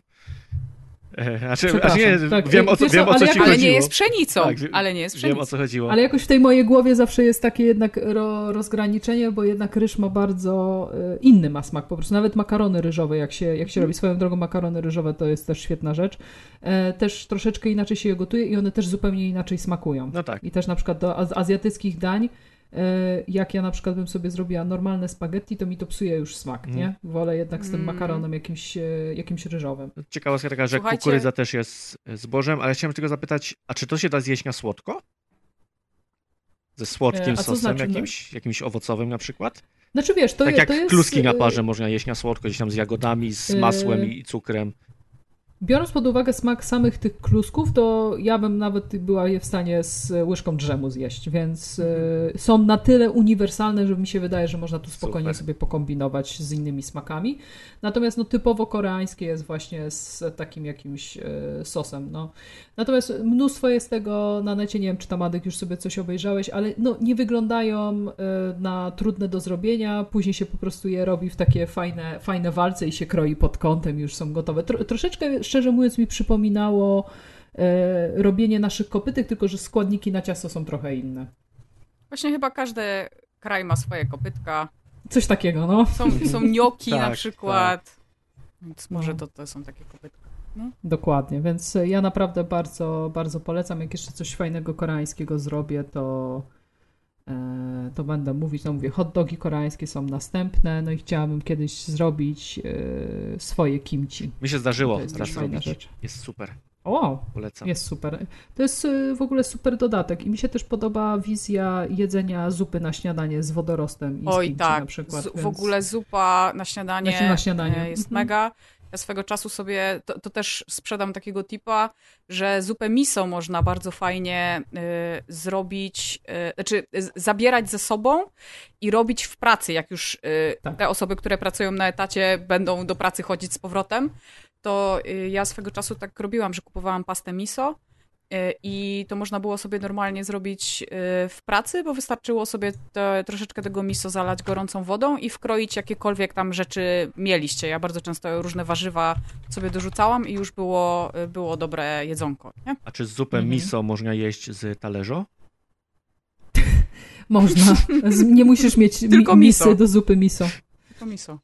E, tak, ale miso jest bardzo spoko i e, ogólnie e, w Korei mi się to podoba, że oni jak robią jedzenie, to jest na przykład jakieś główny jakiś wywar, na przykład, nie Mhm. wiem, tak jak jest, mm, kurczę, teraz mi nazwa w, wypadła z głowy, ale jak po prostu przychodzi się do restauracji i w stoliku jest garnek, który jest cały czas gorący i się wrzuca różne rzeczy, to Tak. później z, z tego taki fajny wywa- wywar wychodzi i mi się to podoba, że jest mało różnych rzeczy Mhm. Że zawsze można sobie ryż dziabnąć, nie wiem, tutaj z wodorostem, tutaj z kimchi, tutaj z jakąś papryczką, tutaj z jakimś innym warzywkiem, coś tam i oni strasznie lubią kiszonki, Mhm. Mhm. e, więc bardzo dużo różnych dziwnych rzeczy można kupić też e, kiszone. E, Natomiast ja jeszcze nie zamawiałam, e, ale chcę sobie jakąś, e, jakieś gotowe kimchi e, zamówić i zobaczyć, czy będzie, e, czy będzie dobre. Rób swoje. To na przykład. Rób dużo. To- Czekajcie, tak, bo mam wiesz- segwaya, tak, wiem, mam segwaya. No, Mam mów, mów. Nie, nie, dobra, to skończcie, ale mam segwaya do kiszony, także nie, E, zostańcie tam. Tak, znaczy chodzi mi o to, Dobra, żebyś to- to, to wciąż- zrobiła dużo, bo, bo jak robisz kimchi, to, to, to jest trochę czasochłonne, a zrobienie jego więcej wcale nie jest bardziej czasochłonne, nie? Po prostu, czy Y, zrobisz wiem, go litr, jak- czy 10 litrów, mniej więcej tyle samo czasu ci to zajmie. Dokładnie, a to jeszcze jest A zawsze możesz przykład rozdać na przykład komuś, z kim trenujesz. No na przykład mogę, więc z chęcią zrobię, ale chciałabym mieć, mieć wiesz, tak, takie coś do czego równać, wiesz, do, do jakiego smaku. Bo kimchi ostatni raz jadłam, nie pamiętam kiedy, więc może albo zamówię z jakiejś knajpy, czy, czy w słoiczku i później będę próbować, wiesz, y, ten smak jakiś, jakiś zrobić, bo w sumie jest me, mega proste do zrobienia, tak? A da się w ogóle... Myk, zalewasz, przyprawa i ten. Gotowe, gotowe przyprawy do kimchi, tak jak na przykład nasze do bigosu też można kupić, ale nie wiem, czy na przykład to jest sens, Znaczy, nie? kupuje się na Allegro tą pastę e, w takim półkilowym, e, Mhm. e, nie słoiczku, tylko E, takim sło- plastiku. E, No. I kupiłem raz i była super. Później używałem do wszystkiego, no bo pół kilo tego to, to się je ze wszystkim. Tak. I ona śmiesz, Więc śmiesznie się myślę, myślę, że będę robić. E, To jeszcze tylko taka e, ciekawostka, że w Korei Południowej bardzo często w mieszkaniach, a prawie zawsze są dwie lodówki. Jedna na jedzenie, druga na kimchi. nice. To A jest skoro żart. mówimy o kimchi i chcesz kupić kimchi, to bardzo dobre kimchi, nie wiem czy dokładnie koreańskie, ale bardzo dobre, jest w zakwasowni. Taki ładny Mhm. sekret zrobiłam. Że tak Ale- zamieszałam ale trochę tutaj, wyszło. ale, ale po prostu była okazja. By- Był No bait. to dajesz. Czym jest zakwasownia? Zakwasownia, moi drodzy. To jest. E, e, dobrze, tak zupełnie serio. Zakwasownię poznałam, kiedy e, przyjechałam na, e, w odwiedziny do naszego wspólnego znajomego Pawła ze Szczecina. Pawle ze, Paweł ze, Sz- nasz stały słuchacz Paweł ze Szczecina. Pozdrawiamy. E, I mm, byliśmy na Pozdrawiam. Biobazarze. E, No i jak pewnie w Warszawie też są, wszędzie, praktycznie w większych miastach są takie biobazary, gdzie wystawiają się takie nieduże firmy.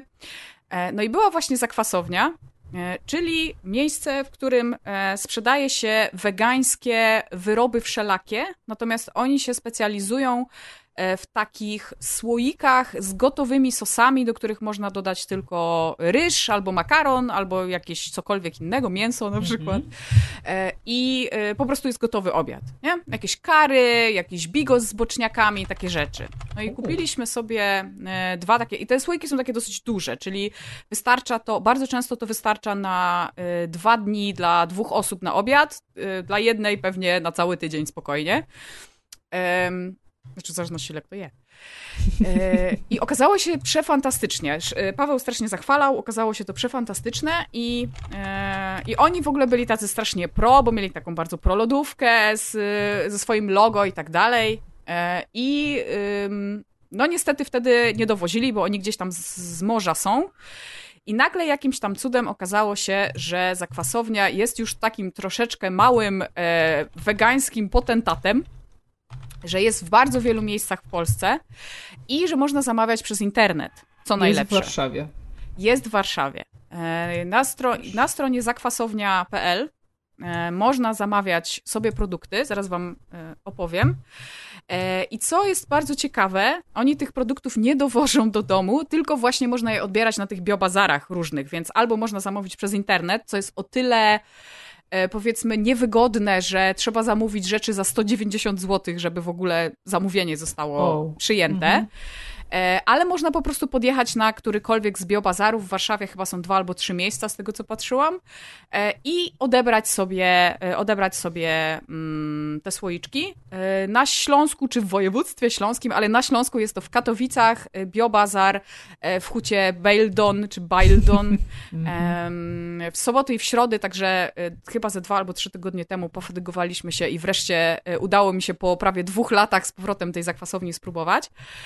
Mm, oni właśnie specjalizują się, tak jak mówię, w takich gotowych daniach wegańskich wszelakich. Mają kimchi, które też próbowałam, jest bardzo dobre i mają y, kimchi w różnych em, formach. Jest i takie Mhm. bardziej ostre, i mniej ostre, i w ogóle nie ostre. Jest nawet kimchi dla bąbelków, czyli dla dzieci. Wow. Tak, tak A, no I- jest. i w różnych rozmiarach. Natomiast to, co jest absolutnie maksymalnie pyszne, to są właśnie dania. I jakby próbowałam już bardzo dużo różnych e, i są po prostu mega. One są sprzedawane właśnie w takich 9, 900 ml, czyli ten duży słoik. e, w takim, e, w takim zestawie i najczęściej to są, są też zupy oczywiście, które są gotowe, na przykład są całe z makaronem. Ostatnio jedliśmy jakąś zupę em, Jezu, tajską, tajską z y, mleczkiem kokosowym. Ona w ogóle miała też makaron w środku, nic więcej nie trzeba było z nią robić. Mhm. Natomiast najczęściej to są e, takie gotowe dania, do których coś tam jeszcze trzeba dodać. Na przykład jakieś kary, e, na przykład jakiś, e, nie wiem, krem, jakiś sos, który właśnie wystarczy dogotować ryżu, makaronu, czy jakiegokolwiek dodatku, jakiego byście nie chcieli i po prostu zjeść. I jest to przepyszne, jest to absolutnie na maksa masakra. E, Boczniaki na ostro, e, e, taj, chyba to się nazywa tajskie boczniaki na ostro, jest, to jest w ogóle masakra. Mają na przykład zestaw do szakszuki, gdzie wszystko jest już w tym, wystarczy do tego wbić jajko, podgrzać i też jest gotowe. Bardzo dobre majonezy. Mają taki wegański majonez z wasabi, który jest pycha. Mm. E, I widzę na stronie, że mają coraz więcej fajnych rzeczy. Mają na przykład em, właśnie różnego rodzaju kiszonki, też takie polskie zaczynają mieć. Mają rzeczywiście dużo e, rzeczy z kimchi. Mają zakwasy w ogóle. E, I wręcz mają, żeby być już super modnym, wsz- dania, które e, są przystosowane do diety keto, Mhm. więc już w ogóle No tak naprawdę można e, fajnie z tego skorzystać. Te ceny są takie sobie, bo za te 900 ml y, trzeba zapłacić tak mniej więcej około trzech dych, czasem nawet czterech, e, ale są to najczęściej na tyle mm, dania treściwe, że to naprawdę wystarcza na długo. Na, na dwie osoby głodne na dwa dni spokojnie. E, I to tak bez, y, bez jakichś takich malutkich porcji. Także y, śmiało to można e, w ten sposób jeść. Jak się ma jeszcze jakąś zupę do tego, czy coś dodatkowego, Mhm. to myślę, że nawet i na dłużej. Więc Ale ten, powiem ci, że są tacy pewni siebie, bo są genialne Bo tutaj są. rzeczy. bo są. E, znaczy, w sensie w Oni tak nazwie piszą, mają, że no, mają ge- no. coś genialne, Tak, tak. super, coś tam, no, ale... Ale, tak, ale e, ja to potwierdzam, bo rzeczywiście jest tak, że są e, 100% wegan, bo oni nawet nie są wege, tylko, są, tylko to są wegańskie vegan, dania. okej. i są przepyszne. Naprawdę em, to, co robią boczniaki z mango, to chyba była pierwsza rzecz, którą próbowałam. O, Absolutny boczniaki obłęd. teriyaki, uwielbiam teriyaki. Co do cen, to Tak. widzę, że mają zestawy. I na przykład zestaw pięciu zup w tych dużych słoikach Mhm. to już jest 85 zł, czyli 17 za zupę. No to już No całkiem spoko. To, to jest mniej niż w jakichś kantynach, czy jakichś e, Tak, lunchowniach, szczególnie, że e, widzę, że to tak, są zupy no. na przykład e, ramen z makaronem koniak, czyli tym, tym takim No i pewnie to jest e, zamykane, to widzę, to jest wszystko w słoiczku, więc można kupić na zapas, bo to Mhm. raczej nie, Tak nie ma jest. prawa się, się zepsuć. No, powiem To ci, się- że Adek zamawia. Tak, właśnie pomyślałem, że, że jak się złożymy, to, to może... To, to, to tak, to będzie Tak. warto. E, I tak, wiecie, i tak możecie, czy prawda jest taka, że my ostatnio kupiliśmy trzy słoiki, zapłaciliśmy e, 110 zł, więc te 190 zł to naprawdę nie jest tak dużo, jakby się zastanowić. No i druga rzecz jest taka, że mm, to naprawdę się wydaje, że to jest tylko taki jeden, e, jeden słoik, ale tak jak mówię, raz, że to jest tam, tam jest naprawdę upchane, nie? To są naprawdę Mhm. bardzo gęste rzeczy, do tego stopnia, że jak ostatnio e, właśnie jedliśmy te boczniaki na ostro, mm, to jest sos, to nie jest zupa, to jest sos, e, to ja musiałam tam dolewać wody, bo Mhm. to jest taki koncentrat, że e, to nie jest tak, że tam to jest taka e, e, niegęsta zupka, w której tam trzy ziemniaczki pływają i tyle, tylko to jest naprawdę mocno skoncentrowane jedzenie. I nawet, tak jak mówię, te 37 zł, ok, dużo, ale raz, że to jest obiad na kilka dni, a dwa, że to jest bardzo zdrowy gotowiec, nie? Mhm. Więc pewnie lepiej niż zamówić sobie coś tam gdzieś z, z netu spyszne i, Właśnie z i tyle. burgera Szczerze za tyle się zamawia. cenowo- Dokładnie. A cenowo wygląda bardzo fajnie, więc e, to, co Adek powiedział, to jak, jak tak się policzy, to wcale nie jest, nie jest źle. Mhm. widzę, że tutaj są duże te słoiki, bo to jest 900. Tak. E, to są te większe słoiki, więc e, serio, może się wydawać drogo, ale mi się wydaje, że to są bardzo takie konkretne porcje. Jeszcze jak mówisz, że to jest taki koncentrat, to wydaje mi się, że ta cena jest adekwatna do tego, co oni tu, Mhm. e, tu mają. No ja, ja myślę, że będzie trzeba spróbować. No. I tak, tak mówię, bardzo polecam i jeśli ktoś nie chce wydawać tyle, to warto sprawdzić na stronie zakwasowni w dziale nasze sklepy, gdzie oni dokładnie są, ponieważ i tak jeśli zamawiacie y, przez y, stronę, to są konkretne y, momenty dostaw, które się pokrywają z najczęściej z datami tych biobazarów, więc wnioskuję z tego, bo nie zamawiałam, po prostu pojechaliśmy po to Mhm, e, sami, mhm, mhm. więc wnioskuję z tego, że po prostu e, ta dostawa i tak wygląda tak, że trzeba sobie to odebrać, a ewentualnie, że oni rozwożą wtedy, kiedy są na biobazarze, więc myślę, że e, na takiej otwartej przestrzeni, e, tak jeszcze, że tak powiem, covidowo zahaczę, że na takiej otwartej przestrzeni tak naprawdę nie jest to nic złego, żeby po prostu podjechać i sobie wybrać coś na miejscu, a oni zawsze bardzo fajnie doradzają i opowiadają o, o tym, co jest dobre, co jest fajne, albo z czym to zjeść. I ostatnio, y, będąc tam, właśnie pani podpowiedziała nam, żeby jedno z tych dań zjeść z niokami, bo ona właśnie jest z niokami. E, i, I też właśnie spróbowaliśmy. e, ch- chyba, chyba, te, chyba te boczniaki. Jedliśmy, jedliśmy te słoiki chyba 4 czy 5 dni pod rząd. Zjedliśmy od razu, były takie dobre. Więc nie pamiętam, które jadłam z tymi, z tymi niokami. Chyba te boczniaki na ostro.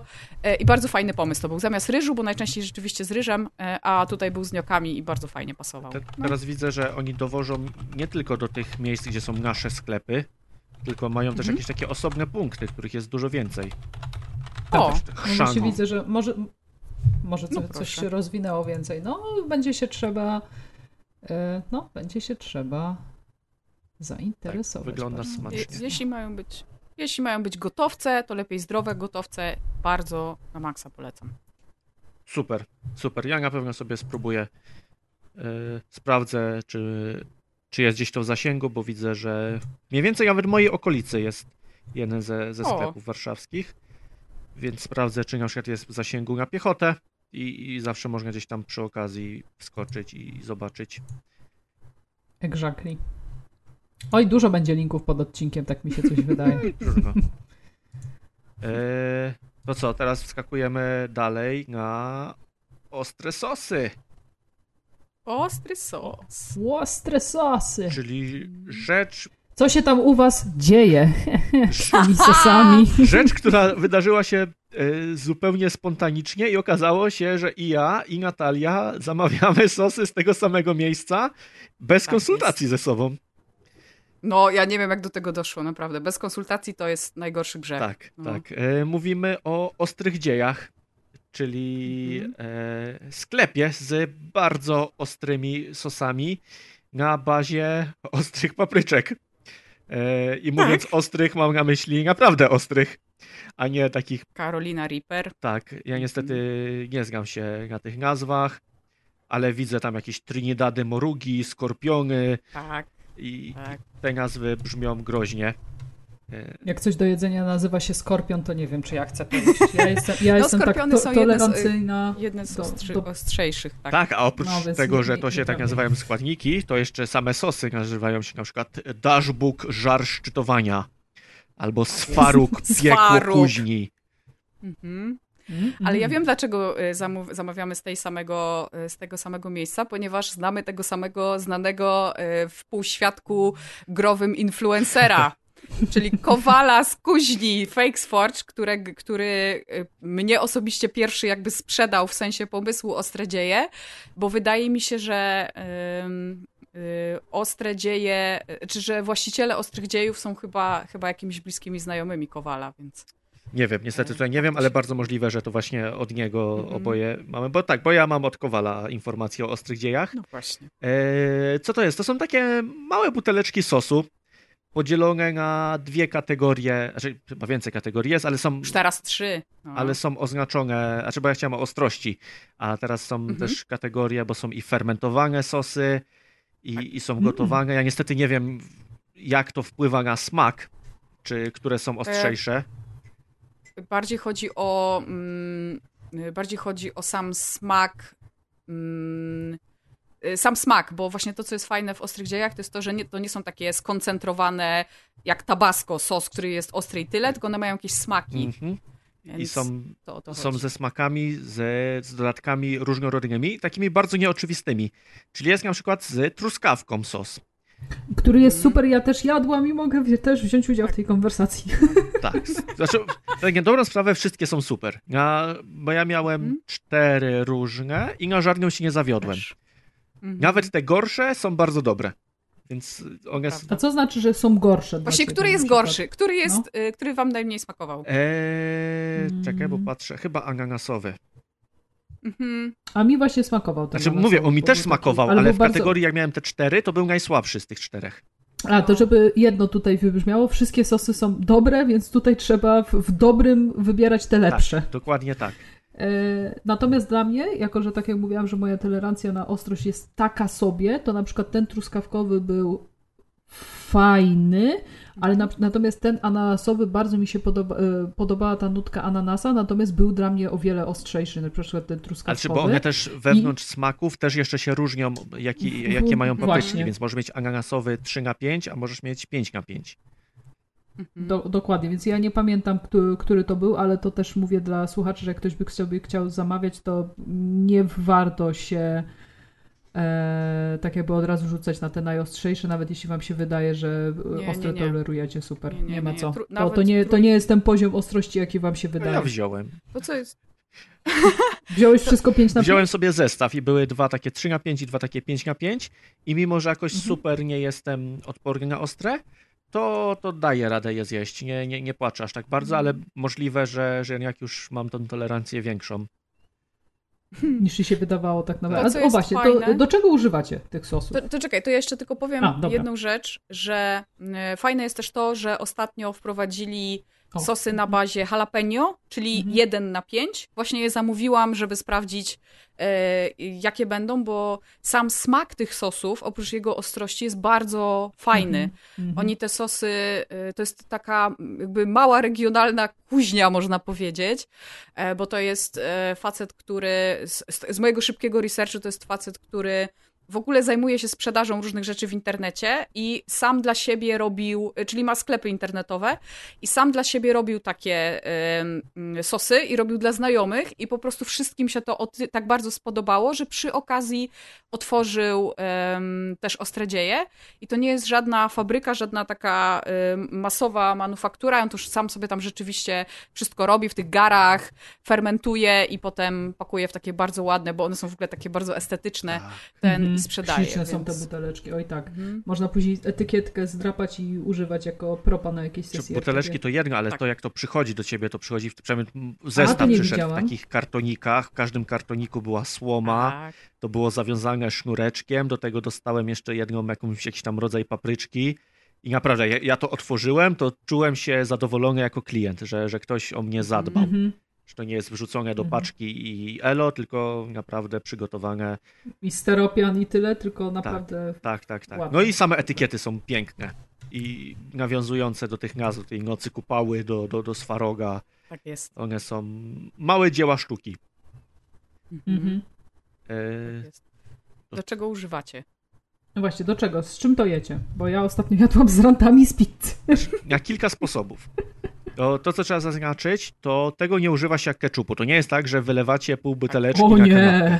O nie! Tego daje się troszkę i, i gwarantuję, że i tak smak wyczujecie, a jak Mhm. da się za dużo, no to będzie jedzenie po prostu nieprzyjemne, bo przynajmniej ja tak mam z ostrym, że ja lubię ostre jako smak, jako element dania, Mhm. a nie jako coś, co sprawia mi ból.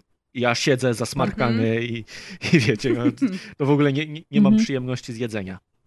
Więc zdarza mi się Dokładnie dawać jakąś tak. taką kropelkę na, na jakieś kanapki. To jest Mhm. jeden z tych rzeczy. Marynaty. Tam już daje Mhm. trochę Tak, więcej, no bo marynata musi być intensywna, czyli na przykład łyżeczka. No i Mhm. zamarynowane tofu w, w takim śliwkowym sosie, to jest cudo. Śliwkowy to jest. No śliwkowy jest sztosem. To ja nie jestem Mhm. fanem śliwek, a śliwkowy to jest Tak, taki sztos. Tak. najlepszy. Mm. E, zrobiłem sobie raz krzywdę takim sosem, bo robiłem coś na patelni i dodałem sobie, żeby, Oj. żeby podsmażyć razem z tym, żeby mieć taki sosik Mhm. ostry. I w trakcie tego podsmażania woda wyparowała. No i Mhm. zaczęło się tak mocniej przypiekać, co akurat często wykorzystuję, bo, bo lubię takie bardziej przypieczone rzeczy. Przy czym ten ostry sos zaczął parować. Ja zacząłem płakać, bo to mi się Jezu. zaczęło wgryzać w oczy, w nos. Okropnie to. Ja myślałem, że mi łyżkę spali od mieszania tej, tej patelni. Mm. O ja. No i. A, do zup często dodaję. Przy czym do zup to już wtedy, bo dodajemy taką łyżeczkę na gar zupy, to to już dodaję tylko ostrości, a nie, nie całego smaku. Mhm. No i do burgerów. Mhm. Tyle. No to ja właśnie. ym, przede wszystkim większość sosów zostało zużytych metodą być może nie pro, ale metodą stworzenia tak zwanych sosów tysiąca wsi. Pozdrawiam Kowala, który też sprzedał ten pomysł. Czyli po prostu pomieszaniem em, w różnych proporcjach, w zależności od tego, jak bardzo chcemy, żeby to było ostre, e, tego sosu z majonezem. I Mhm. właśnie e, używanie albo do burgerów, do burgerów to jest e, mega, albo do tego bowla, o którym mówiłam na samym początku, czyli e, do bowla z szarpanym e, kurczakiem e, jako element jeden e, i ten szarpany kurczak z e, sosem tysiąca wsi bardzo dobre, e, ba- bardzo, bardzo dobre i mm, w ogóle dodanie do tego czegoś mniej ostrego, takiego właśnie bardziej e, nabiałowego, Jogurt, no w szczególności majonez. majonezu. Mhm. Tak. E, Bardzo fajnie wydobywa e, smak e, samego sosu. Stąd właśnie specjalnie zamówiłam sobie teraz mniej ostre, dlatego że naprawdę sam smak jest przefantastyczny. Ja bym się w ogóle Mhm. nie obraziła, gdyby oni w ogóle zrobili, chociaż pewnie Nie to już wersję. nie, na, na nieostrych dziejach, właśnie wersję, w której po prostu mamy sos taki wytrawny, truskawkowy, nie? Albo wytrawny ym, Mhm. y, ananasowy, bo mają zdecydowanie rękę do kuchni i te sosy są To ja mam przepyszne. dla ciebie tipa na takie sosy, bo ja Dawaj. postanowiłem sobie popróbować robić jakieś bardziej owocowe sosy, właśnie za sprawą ostrych dziejów, które pokazały mi, że, że można jeść e, owocowe rzeczy na wytrawnie. Mhm. E, I druga rzecz, na jadłonomii, jak jest przepis na tofu zmieniające życie, to jest też Mhm. e, wariacja, wariacja z dżemem, śliw- rzeczy z, z, z konfiturą śliwkową. O, tak. Mhm. Ja uznałem, Mm. ok, skoro można z konfiturą śliwkową, to dlaczego nie spróbować takiego samego przepisu, na przykład z dżemem truskawkowym. Mhm. I zacząłem sobie tak robić. Mieszam sobie w miseczce dżem, trochę sosu sojowego, jakieś przyprawy, jeżeli chcę sprawdzić, a jeżeli nie, to trochę wody, żeby to rozwodnić. I na chwilę na patelnię, żeby to się ładnie, raz, że e, jednak wyparowała ta woda i jednak Mhm. zredukowało, ale ja wiem, że to jest głupie dodawać wody po to, żeby redukować, ale mam wrażenie, że jest zupełnie inna konsystencja. A dwa, karmelizuje się wtedy też cukier. I, i, No i tak. całe to jest takie gęstsze. I na przykład właśnie śliwkowy taki sosik do, do jakiegoś schabu, albo truskawkowy Mhm. ostatnio zrobiłem do, do burgera. Cudo. No. Naprawdę warto po, pobawić się w ten sposób. Ja też do jednego dodałem trochę tabasco, żeby zrobić Mhm. leciutko pikantne i też sprawdziło się mega. Więc kombinowanie z, z dżemami jest, jest bardzo na propsie i, i zachęcam do takich prób, bo może się okazać, że coś, na co bardzo często krzywiliście nosem, w stylu, Mhm. nie wiem, pizza z, z ananasem, to może się okazać, że jak spróbujecie takich dziwactw, to, to wychodzi bardzo smaczne danie. To, że bo będzie super. Tak naprawdę Mhm. to, że, że coś nam wydaje się dziwne, wynika tylko z tego, jak zostaliśmy wychowani. I, Tak, i. I przez to, że nie jedliśmy jakiegoś połączenia, to wydaje ono nam się dziwne, a wcale nie oznacza, że to zupełnie nie będzie pasowało do siebie. No na przykład dla mnie owoce na wytrawną brzmią dziwnie, ale Owoce też są... jadłam takie, takie rzeczy, natomiast wiesz, jak to nazwałeś, owoce na wytrawno, to jest takie, hmm, no rzeczywiście przecież to są owoce na wytrawno? Mhm, mhm. Bardzo dobrze się sprawdzają y, owocowe tematy z mięsem. burgera właśnie, Naprawdę. tak. Oj tak, oj tak. Tak, Gruszka o, no. i to jeszcze na przykład kiszona.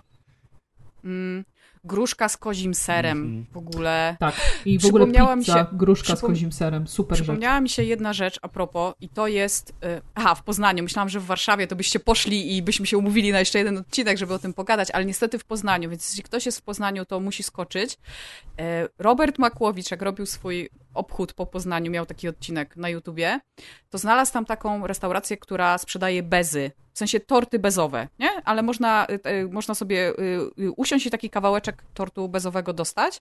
No. Nie pamiętam niestety jak się nazywa, ale jeśli ktoś jest z Poznania, to pewnie sobie gdzieś tam szybko wygoogluje. I jedną z rzeczy, którą jadł na wizji wtedy, był tort bezowy między innymi z gruszką i z em, serem pleśniowym. Mhm. I Hmm. brzmi to bardzo spoko. E, tak, a propos takich nieoczywistych połączeń. Tam była gruszka, coś tam jeszcze i właśnie Roquefort chyba, jakiś taki pleśniowy ser w stylu tych serów z, z pleśnią niebieską. Nie? Właśnie Mhm, wspomniany Kowal kiedyś mi pokazał e, burgery w Warszawie po byku, gdzie jeden z Mhm. burgerów, Mhm. który Kowal zawsze zachwalał i od którego zaczyna się degustację tam, to jest Mhm. burger właśnie z kozim serem, a mają też burgera z gruszką. I to tak wszystko Mhm. super pasuje. W ogóle, tak. nie wiem, nawet podsmażenie zwykłego jabłka i, i danie plasterka do burgera Tak. daje zupełnie nowe danie, które jest no, genialne.